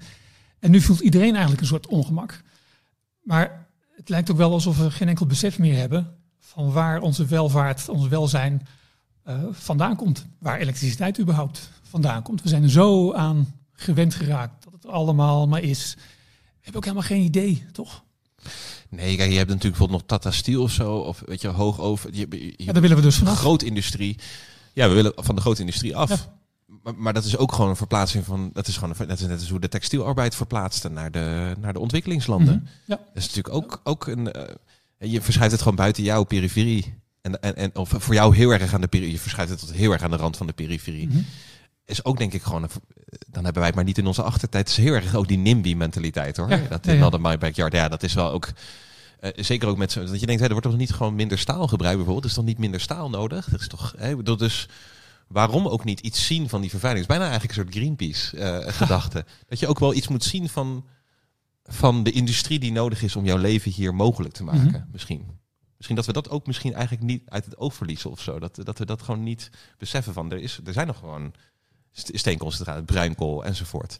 Dat is, dat is mhm. er allemaal nog. Ja, ja. ja, Nou, het wordt in Duitsland natuurlijk nu wel weer zichtbaar. Met die bruinkoolmijnen die daar worden geopend. Ehm, maar goed, de Duitsers hebben een dingetje dat zij die kolen eigenlijk wel prima vinden. Ja, dat is gek hè. Ja. Het is heel... Ja, juist vanwege de groen. Ja, dat, ik bedoel, ik ben natuurlijk uh, veel met botanie bezig. En ik vind dat, die, dat vind ik het nog vreemder eigenlijk. Dat je dat, uh, vooral ook, dat is natuurlijk ook vooral de, de, de, hoe noem je die ook weer, die grote kachelcentrales die ze hebben. Uh, wat is het? Daar kom ik gewoon niet op het woord. Wat die Vattenval en zo heeft. Wat, wat de biomassa. biomassa ah, ja. Ja, ja, ja, Dat vind ik dan helemaal. Dat is gewoon een veredelde open haard. Ja. dat uh, dat uh, zeg ik misschien nog onvriendelijk. Maar ik wil er niet te veel mijn mening laten doorschemeren. Maar je ziet denk ik wel inderdaad dat er iets van die dat we niet weer weten echt waar we vandaan komen. Dat het inderdaad ook al in tijden van welvaart is dat er kritiek komt op dit soort eigenlijk hele, hele schone energie. En dan misschien is het aardige, was voor mij ook e-, e-, een enorme eindopener. Ik werd zeg maar, kort geboren voordat de ramp in Tsjernobyl er was. Ik heb daar altijd wel heel veel van meegekregen. Um, dat eigenlijk de omvang van die ramp wel, wel meeviel is het misschien gek om te zeggen ook, omdat het is zo in het, uh, dat was een collectief onderbewuste, als iets genoteerd van, er moeten duizenden doden zijn gevallen, zo, zo niet veel meer, de nasleep er ook van. En ik lees haar hoofdstuk erover, en buiten het feit dat het gewoon ja, ergens gewoon bizar is hoe mis het gaat. Ja. Uh, het is gewoon één grote quackpire in, daar volgens mij in die fabriek. Um, dat eigenlijk dus, ja, je, je maakt een soort rekensom. En dat is natuurlijk niet te min, ik bedoel, uh, uh, iedereen die, die doodgaat door, door, door iets is natuurlijk iets verschrikkelijks. En als je die ramp leest, is dat ook iets verschrikkelijks. Maar weinig doden. 41 doden eigenlijk. Misschien als je wat ruimer telt, wat meer, maar ja, weinig. ja, ik maak overigens niet die rekensom, hè. Dat is de, nee, niet, de Verenigde Naties. Het, het is het, ja, natuurlijk. Nee, dat is niet jouw rekensom. Nee, nee, nee, nee, nee. Reken na. ja, want wat doe je dan als journalist? Dan ga je gewoon naar de meest autoritaire, gevestigde wetenschappelijke consensus uiteindelijk. Daar ga je naar op zoek. En dat, dat zijn een aantal rapporten van hè, de Commissie van de Verenigde Naties, die kijkt naar de effecten van, uh, van straling. En er is ook nog trouwens het uh, Chernobyl Forum, waar ook uh, Wereldgezondheidsorganisatie bijvoorbeeld in zit. De Wereldbank en nog allerlei uh, overheden uit die om, omgevingen. Wit-Rusland en Oekraïne bijvoorbeeld. Um, en ja, hoe, hoe, lang zij ook hebben gezocht. Zij zien inderdaad niet een, een, een piek in geboorteafwijkingen bijvoorbeeld. ze zien niet een piek in zelfs niet in, in kankergevallen uiteindelijk, waar veel mensen natuurlijk bang voor zijn. Ja. Eén een kankervorm schildklierkanker, die wel is, is toegenomen, behoorlijk toegenomen ook eigenlijk. Die is goed handelbaar, behandelbaar. Ja. Dat is geen pretje. Liever heb je geen schildklierkanker, nee, nou, laat het duidelijk zijn. Ja. Um, maar het is niet een doodsvonnis meteen. Nee, het is een van de best behandelbare uh, kankervormen uiteindelijk. Dus wanneer die niet wordt opgemerkt, dan heb je een probleem. En de schatting is dat er, ze hebben het over 15 mensen, bij wie het waarschijnlijk niet tijdig is opgespoord. Ehm, vreselijk trouwens. Hè? Ja, ja, tuurlijk. Nee, heel- Ik stoor me wel eens aan, aan de, de, eh, voorstanders van kernenergie die over Tsjernobyl heen walsen en zeggen, meteen zeggen eh, dat er heel weinig doden zijn gevallen. Dat, dat, dat is ook wel zo, maar ik, ik wilde in mijn boek vooral ook het ongeluk beschrijven en ook wel de context waarin dat is Ja. gebeurd. Het land waar we het over hebben, de Sovjet-Unie, waarin eh, alle regels aan de laars werden gelapt en waarin een soort autoritaire Tuurlijk. structuur was, waarin je... eh, het is ook zeker niet om het te bagatelliseren. Het was meer voor mij gewoon de shock. Ik, ik had echt het idee voordat ik dat hoofdstuk las. Ja. De gevolgen van, van, die, van die kernramp zijn enorm geweest. Ik wist wel van recenter dat Fukushima dat dat heel erg meeviel. Dat, dat, dat daar is één nou ja, discutabele eh, eh, iemand die is overleden. Vol- ja, volgens de politiek Volgens is het er één, eh, volgens Ja. de wetenschap is het een nul. Ja. Ja, ja, zo ja, moet je het ja, zeggen. ja, ja, zo moet je het zeggen inderdaad. Ja, precies. Maar het, het was gewoon voor mij ook een shock of zo. Dat ik om te reden van denk van, oh, dat, dat had ik eigenlijk helemaal niet gerealiseerd. Want ik, ik weet wel bijvoorbeeld aan de biologische kant, ik was vooral geïnteresseerd in het planten- en dierenleven, wat daar, wat daar terugkomt. Dat aan het begin waren de biologen die zeiden, dit wordt een woestenij. Dit is gewoon Mhm. verstoken van leven. Ja. Er is, eh, dus ook uit de biologische wereld klonk wel die angst van, als er een kernramp gebeurt, ja, dat is zo eh, verschrikkelijk voor het Mhm. dierlijk en plantaardig leven, Ja. dat je daar gewoon een woestijn krijgt inderdaad, of je gewoon een kale, kale plek. En dat toen eigenlijk al heel vlug de dieren en de planten terugkwamen. Eh, en, en niet dat die dieren en planten niet niks mankeren. Ik bedoel, als jij als vogel gaat broeden in reactor 4, dan, dan eh, kan ik me voorstellen dat de eitjes niet heel gunstig Nou, die bestaat niet meer, dus- nee, nee, nee, nee, oh, die bestaat dan nu. Ja, ja. Er is natuurlijk zo'n betonnen ding overheen, toch? Ja. Ja, ja, precies. Maar, maar niet te min. Ik bedoel, ik kan me natuurlijk voorstellen dat het, eh, dat het, eh, dat het wel schadelijk is. Maar dat het zo verbazingwekkend was hoe snel het leven terugkwam. En eh, ja, ja, ik heb dat genoteerd als een veel grotere ramp. Je beschrijft ook, er is, een, er is een ramp kort daarvoor, of een aantal jaar daarvoor in India, die duizenden mensen het leven kost. Eh, Ja, de, ja, is de- ja, inderdaad. Een chemische fabriek, eh, Union Carbide, in eh, een ongeluk in, in, in Bhopal. Ja, meteen, wat was het nou, 4000 doden volgens mij ja, op slag. enorm, ja. Ja, En dat zijn allemaal mensen met aanwijsbare mensen. Mensen met een naam, mensen met een gezin, et cetera. In Tsjernobyl gaat het om, om tientallen mensen die toen op dat moment werkten in de kerncentrale. En bij de explosie zijn omgekomen omdat ze te dicht bij die reactor waren op dat moment. ook de brandweer. en het gaat om de brandweer eh, ja. die, eh, die, die aankwam. En geen idee had eigenlijk wat ze aan het doen waren. Geen idee hadden van dat eh, grafiet. Ehm, dat ze ze wegschopten met hun laarzen. Veel te lang in die omgeving hebben gestaan. Waar ze eh, Ja, ja, straling, acute stralingsziekte hebben ja, opgelopen. tuurlijk, ja. en dat is een vreselijke ziekte. Ehm, Ja, daar, ehm, ja, beschrijf je ook. Het is ook echt Ah, zo dat is gruwelijk, ja. Ja. en, en ik heb dat ook bewust zo gruwelijk opgeschreven. Omdat ik het idee heb dat we daar doorheen moeten. We moeten ook Tsjernobyl niet alleen maar als een woord zien of zoiets. En dat gelijk staat aan eh, nooit meer kernenergie bijvoorbeeld. Ja, en ook Of, of, eh, of oh, dat, dat ongeluk, dat viel heel erg mee. En we moeten precies weten wat, wat, wat, wat gebeurde er nou. Ja. En En dat je had ook wel zien, het is doen ook een in het doofpot boek. affaire natuurlijk geweest. Zeker aan het begin. Hè. Je beschrijft dan inderdaad dat ze op een gegeven moment in Zweden. Vanuit de, de regering van de Sovjet-Unie bedoel je? Ja, ja, vanuit de regering van de Sovjet-Unie. Ja, ja. Eh, Dat, dat er op een gegeven moment in Scandinavië er metingen komen. En dat er steeds meer metingen komen. En dat dan op een gegeven moment Ja. de Sovjet-Unie ook wel, de USSR dan inderdaad eh, op een gegeven moment ook wel naar buiten moet komen met iets. Terwijl je dat dan ook beschrijft hoe Gorbachev net daarvoor nog heeft beloofd. Om openheid te geven, openheid precies. Ja, ja, ja. Glasnost, communicatie. Ja, Ja, En dat je ook zegt dat hij 16 dagen dus gewoon zijn mond heeft gehouden Ja. daarover. Ja. Ja. Ehm, en eh, het is ook wel heel scary. Ik bedoel, ik denk ook wel dat je gelijk hebt van, er moet ook een soort realisme zijn. Hè? Je moet denk ik altijd oppassen voor de, de, de optimistische waan van we gaan maar Mhm. gewoon alles doen en we hebben geen oog voor de en- enige consequenties en, en, En, en aan de andere kant de, de, de extreme negativiteit. Ja. Het is, dus ik vind dat ook wel. Het is ook denk ik gewoon een realismeboek. In Ja, de zin van ja, je, moet, je moet er niet bang voor zijn omdat een realistische kijk nodig is. Eigenlijk. Ja. Ja, En overigens toch nog een ding over, over Tsjernobyl doden natuurlijk. Ehm, eh, de, de, een skier, hè, de commissie van de Verenigde Naties, Ja. eh, heeft het over enkele duizenden doden door kanker tot het jaar 2065 volgens mij. Dus 80 jaar na het ongeluk. Eh, dan gaat het om ja, enkele duizenden, 4000 of 9000. Het ligt er een beetje aan hoe groot, hoe groot de omgeving je, je neemt. Extra gevallen van kanker die b- bovenop het aantal gevallen van kankerdoden die je kunt verwachten in die bevolking.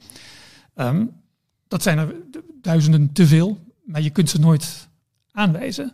Dat betekent niet meteen, sterk nog, eh, het betekent juist, omdat, je, omdat het onaanwijsbaar is, geeft het heel veel onrust. Mensen uit die omgeving, ja. veel mensen uit die omgeving hebben voor de rest van hun leven het idee dat er wel iets mis zal gaan in hun leven op een goed moment. Dus bij ieder kuchje eh, denken ze, oh jee, Het is het is begonnen. Ja. Of je krijgt een kankerdiagnose en je denkt, Ja. zie je wel, Tsjernobyl. Ja. Dat hoeft helemaal niet zo te zijn. Mensen krijgen om allerlei redenen kanker. Jij en ik, wij lopen enorm risico op kanker in ons leven. We worden ook allemaal steeds ouder. Dus het kan ons ook heel goed overkomen. Ja, nee, zeker. En wat je wel zegt, de straling is, eh, er is ook straling overal. En er zijn ook allerlei mutagene stoffen en zo, die natuurlijk allerlei eh, ook mutaties kunnen veroorzaken. In je. Mhm. Dus, dus in die zin inderdaad, het is lastig te zeggen. Het is natuurlijk wel zoiets van je, en doet dat volgens mij ook heel netjes, dat je ook aangeeft van, ja, het is natuurlijk, je kan dat, het is een beetje koffiedik, kijk, je weet het niet.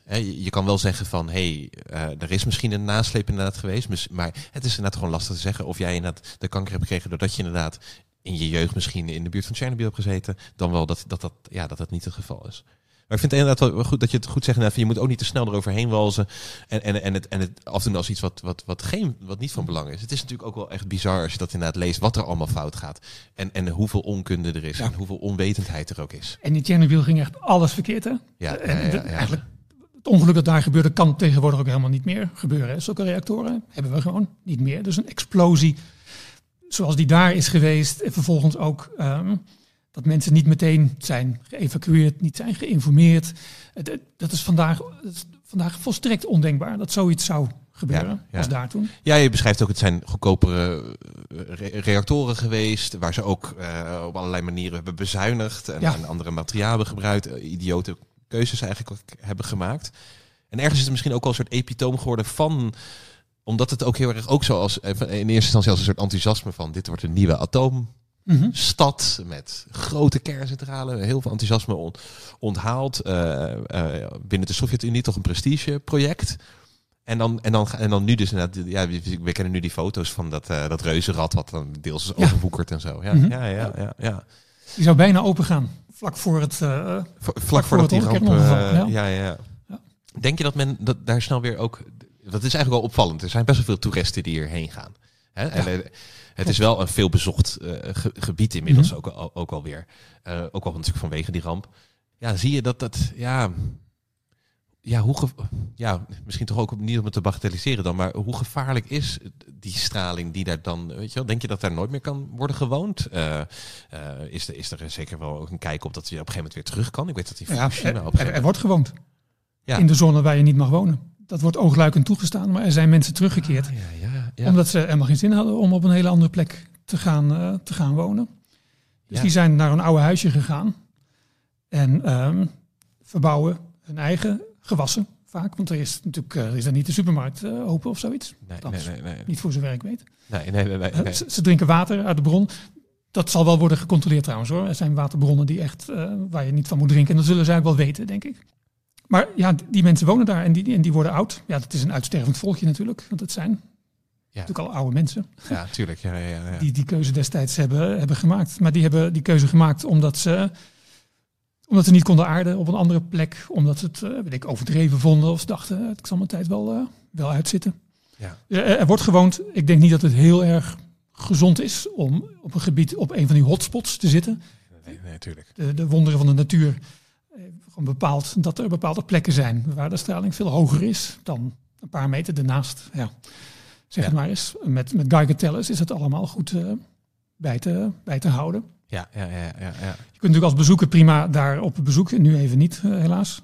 Maar je, eh, ja, in Tsjernobyl wordt, komen busladingen aan om mensen daar rond te leiden uiteindelijk. Ja, je vertelde ook even kort ervoor inderdaad dat je zei van de, er zijn ook van die beelden dat het zo'n on- zo'n stoffige teddybeer ligt en je zei van het zijn eigenlijk dingen die daarna zijn. Weet je, dat je mensen wel eens het idee hebben van oh dit is bijna als een soort Pompeii, is het een soort Ja, eh, Ja. f- frozen in time als het ware. het schijnt helemaal niet zo te zijn. Nee, Nee, het is erg eh, in, in scène gezet. Eh, ja, inderdaad, met, met, met stoffige teddybeertjes of zelfs fotolijsten en zo die kapotgeslagen zijn. Niet- Volgens mij niet eens met ehm kwade opzet altijd. Men- Mensen willen dat misschien ook. En, of zetten er een teddybeer neer eh, als eh, herdenking. Maar ja, als het stoffig eh, blijft daar, dan eh, ziet dat uiteindelijk toch ook heel verweerd uit. Ja, Eh, het, moet daar, het, is een hele bizarre ervaring moet het zijn om daar, eh, om daar rond te lopen. Ja. Denk je, en misschien ook afsluitend, denk je dat we die emoties dan te boven kunnen komen? Die emoties die Tsjernobyl hebben opgeroepen, het- het anti-kernenergie protesten, eh, eh, maar ook met Fukushima zag je het eigenlijk opnieuw dat die angst toch ook wel terugkomt. Denk je dat die emoties in korte tijd te boven gaan komen? Nou, niet in korte tijd. Nee, nee. Nee, ik vind het een hele goede vraag. En ik, ik, ik weet eerlijk gezegd het antwoord niet. Ehm, in mijn meest optimistische momenten denk ik dat we het wel te boven kunnen komen. Want we leven nu in een tijd anders dan bij Tsjernobyl bijvoorbeeld. Ja. Waarin informatie heel erg gemakkelijk te vinden is. Dus zo'n rapport wat ik net zei over een skier over Tsjernobyl is heel makkelijk te vinden. Wikipedia heeft eigenlijk vrij goede informatie over kernenergie en kernongevallen of kernafval. Ehm, dus ik denk, ja, als mensen echt geïnteresseerd zijn, dan is er goede informatie te vinden. Ja. Ehm, maar je moet het wel willen vinden, om zo te zeggen. Ehm, er is toch ook nog wel een grote groep mensen die hier uiteindelijk helemaal niet geïnteresseerd is. En dat hoeft ook helemaal niet. hè. Je hoeft ook helemaal niet geïnteresseerd in alles eh, Nee, eh, te zijn. Sure. Dus heel veel mensen zal het helemaal, dat gaat, eh, is, is ver voorbij hun bed. Maar goed, dat zijn misschien ook niet de mensen die zich heel erg zorgen maken. En andere mensen willen zich gewoon graag ergens zorgen over maken of ergens tegen ageren. Tuurlijk. Ja, En natuurlijk. ja, sommige mensen hebben keuze gemaakt om te ageren tegen kernenergie. En dan niet echt naar de wetenschap te kijken. Nee, nee, zeker. Om hun mening bij te stellen. Ik heb dat zelf dan uiteindelijk wel gedaan. En ik ben- vind mezelf helemaal niet zo bijzonder. Nee, maar je Dat stelt je wel. mening bij, maar je laat volgens mij ook wel heel goed blijken van er zit ook wel een, een roep op dat, dat er urgentie achter zit. En dat is denk ik ook wel Ja. omdat je toch ook wel dat ecomodernisme, je zegt het ook, wel, meer, wel- meer, welvaart, maar ook klimaatindachtig, eh, eh, eh, eh, ecolo- ecologie-indachtig ontwikkelen. En, en dat, dat die urgentie dat je, ja, die werd toch wel dat je, je in ieder geval zelf een soort urgentie voelt van we, mo- we moeten echt niet zo treuzelen. Wat, Ja. wat zijn we in hemelsnaam aan het doen met elkaar dat we zo aan het treuzelen zijn en ons zo eigenlijk ja in, in de hoe zeg je dat? Ja, eh, hoe, hoe zeggen we dat, dat, dat we niet, ja, we komen eigenlijk niet in actie. Hè? We, de- de- we zijn eigenlijk nog steeds door die oude angsten die als Ja. een Günther Swaap beschrijft. Trouwens, een hele vriend, ja, ook een echt hele bizarre figuur. Ook een bizarre achtergrond schrijf je ook. Met een natieverleden. bedoel je? Ja, ja, ja. Ehm, maar dat, dat de kritieken gewoon ook niet. Dus ook die, ja, die emoties lijken op een bepaalde manier ook niet te veranderen. Dat vind ik het. Dat, dat is er misschien ook wel. eh, Ja, misschien alarmerend aan of zo. Of Een, een alarm wat ik er in ieder geval bij had. Van ja, kan je die, inderdaad die emoties wel te boven komen? Blijven die angsten niet gewoon inderdaad on- onveranderd eigenlijk dus ook actief? En, en Nee, ja, het zou heel goed kunnen. Ik, denk dat die, die emoties zo diep geworteld zijn. En ik hoop dat ik dat in mijn boek ook wel aangeef. En ik neem het ook serieus, hè, die, die emoties. Tuurlijk, Daarom schrijf ik er ook zoveel eh, over. Maar ik denk dat er een verkeerd beeld bestaat bij, in de politiek en ook bij de media. Ik ben zelf journaliste. En in de Ik denk dat er- kernindustrie zelf dus inderdaad ook Ja, eens ja, ja, Ja, maar sorry. het beeld dat in de politiek, volgens mij in de media bestaat specifiek, is dat eh, heel veel mensen tegen kernenergie zijn. En dat is dus verkeerd. Dat blijkt uit allerlei onderzoeken. Vraag ook nu in Zeeland, wat het draagvlak is voor de kerncentrales. Iets van 66% of zoiets is gewoon voor die kerncentrales. En het is, dan heb je ook nog een deel dus dat het niet weet. En een deel dat tegen is. Het deel dat tegen is, is actief. Die laat van zich horen, die schrijven brieven, die schrijven opiniestukken, die laat op Twitter van zich horen. En die zijn boos. Dat is een kleine groep. Dat betekent niet dat je die groep niet serieus moet nemen. Maar wanneer het gaat om de, ik noem ze maar even professionele activisten, die soms hun hele leven lang al campagnes voeren tegen kernenergie. Ja, dat, dat gaat om een handvol mensen in Nederland uiteindelijk. Ik denk, ja, zij zijn in staat geweest om gebruik te maken van die diep gewortelde emoties, die diep gewortelde angsten over straling en misschien ook wel over zo'n oneindige energiebron. die, die schone energie levert voor iedereen in de wereld. En, en, en dat dat een ongemak oproept. Ik denk, ja, de, we moeten toch we moeten anders gaan leven. We moeten gaan, gaan Grens aan de groei, minder. Aan de groei, precies. Dus die willen die kernenergie niet. Nou, laat ze dat dan zeggen, maar ze zeggen het niet. Maar ik, ik heb ergens wel sympathie voor mensen die zich een beetje in de luren hebben laten leggen door, uh, door dit soort activistische groepen. Omdat zij verkeerde informatie van hen hebben gekregen, maar ook van journalisten die ook weer in Fukushima een enorm drama hebben uh, gemaakt. Het drama in Fukushima was natuurlijk de natuurramp, was de tsunami die volgde op de aardbeving, die 20.000 mensen het leven heeft gekost. Enorme schade is daar ontstaan. Ja. Maar vrijwel alle aandacht, ook bij het tienjarige terugblik in 2021. Als je dan kijkt naar de reportages in de kranten, die gaan allemaal over mensen die in de omgeving van de kerncentrale in Fukushima woonden en, en moesten evacueren. Ja, ik, ik denk dat we dit soort dingen in, in proporties moeten zien. Ook in de politiek, in de achterban van vrijwel alle partijen. Misschien wel alle partijen, volgens mij ook GroenLinks namelijk. Zeggen mensen ja op de vraag: vindt u dat Nederland meer moet investeren in de ontwikkeling van kernenergie? En toch in de partijtop zie je dat ze daarin niet meegaan, niet luisteren naar hun achterban. Ja. ja. dat is toch denk ik omdat ze vrezen voor al het verzet dat dan opeens naar boven komt wanneer je gaat uitspreken voor kernenergie. Ja, dat is gek dat dat inderdaad als een magneet, zo'n magnetiserende werking heeft. Ik, merk het zelf hier in dit gesprek dat ik toch naar zaken Hiroshima, dat, dat, dat, dat, hou je vast. In die, die maandenlange bombardementen van Tokio daarvoor is niet iets wat in het collectief onder, uh, bewust zit, toch? Dat is gewoon, of dus, laat ik zeggen, het is geen gemeengoed dat, mm dat men dat weet. Ja. Dat schrijf je op een gegeven moment ook van, ja, je kan wel met het verbieden van kernwapens heb je niet wapens verboden. En ook niet verschrikkelijke wapens verboden. Mm de, de vernietiging die je kan aanrichten met andere explosieven, die is ook uh, gigantisch. Hè? Dus dat het altijd die geïsoleerde positie heeft eigenlijk altijd. En dan nou, dus ook weer, dus eigenlijk in die tsunami-ramp ook weer magnetiserende werking heeft. We gaan het daarover hebben, niet over iets anders. Ja. ja. Ik, vind het, ik vond het heel leuk gesprek. Ik vond het heel aardig dat je nou, hier naartoe bent gekomen om te praten over je boek. Waarom we niet bang hoeven te zijn voor kernenergie, de emoties en de feiten van Marco Visser. Hartelijk dank voor dit gesprek. En natuurlijk ook de luisteraars thuis bedankt. Graag gedaan. Dit was weer een aflevering van Radio Horselnest. Dank u voor het luisteren.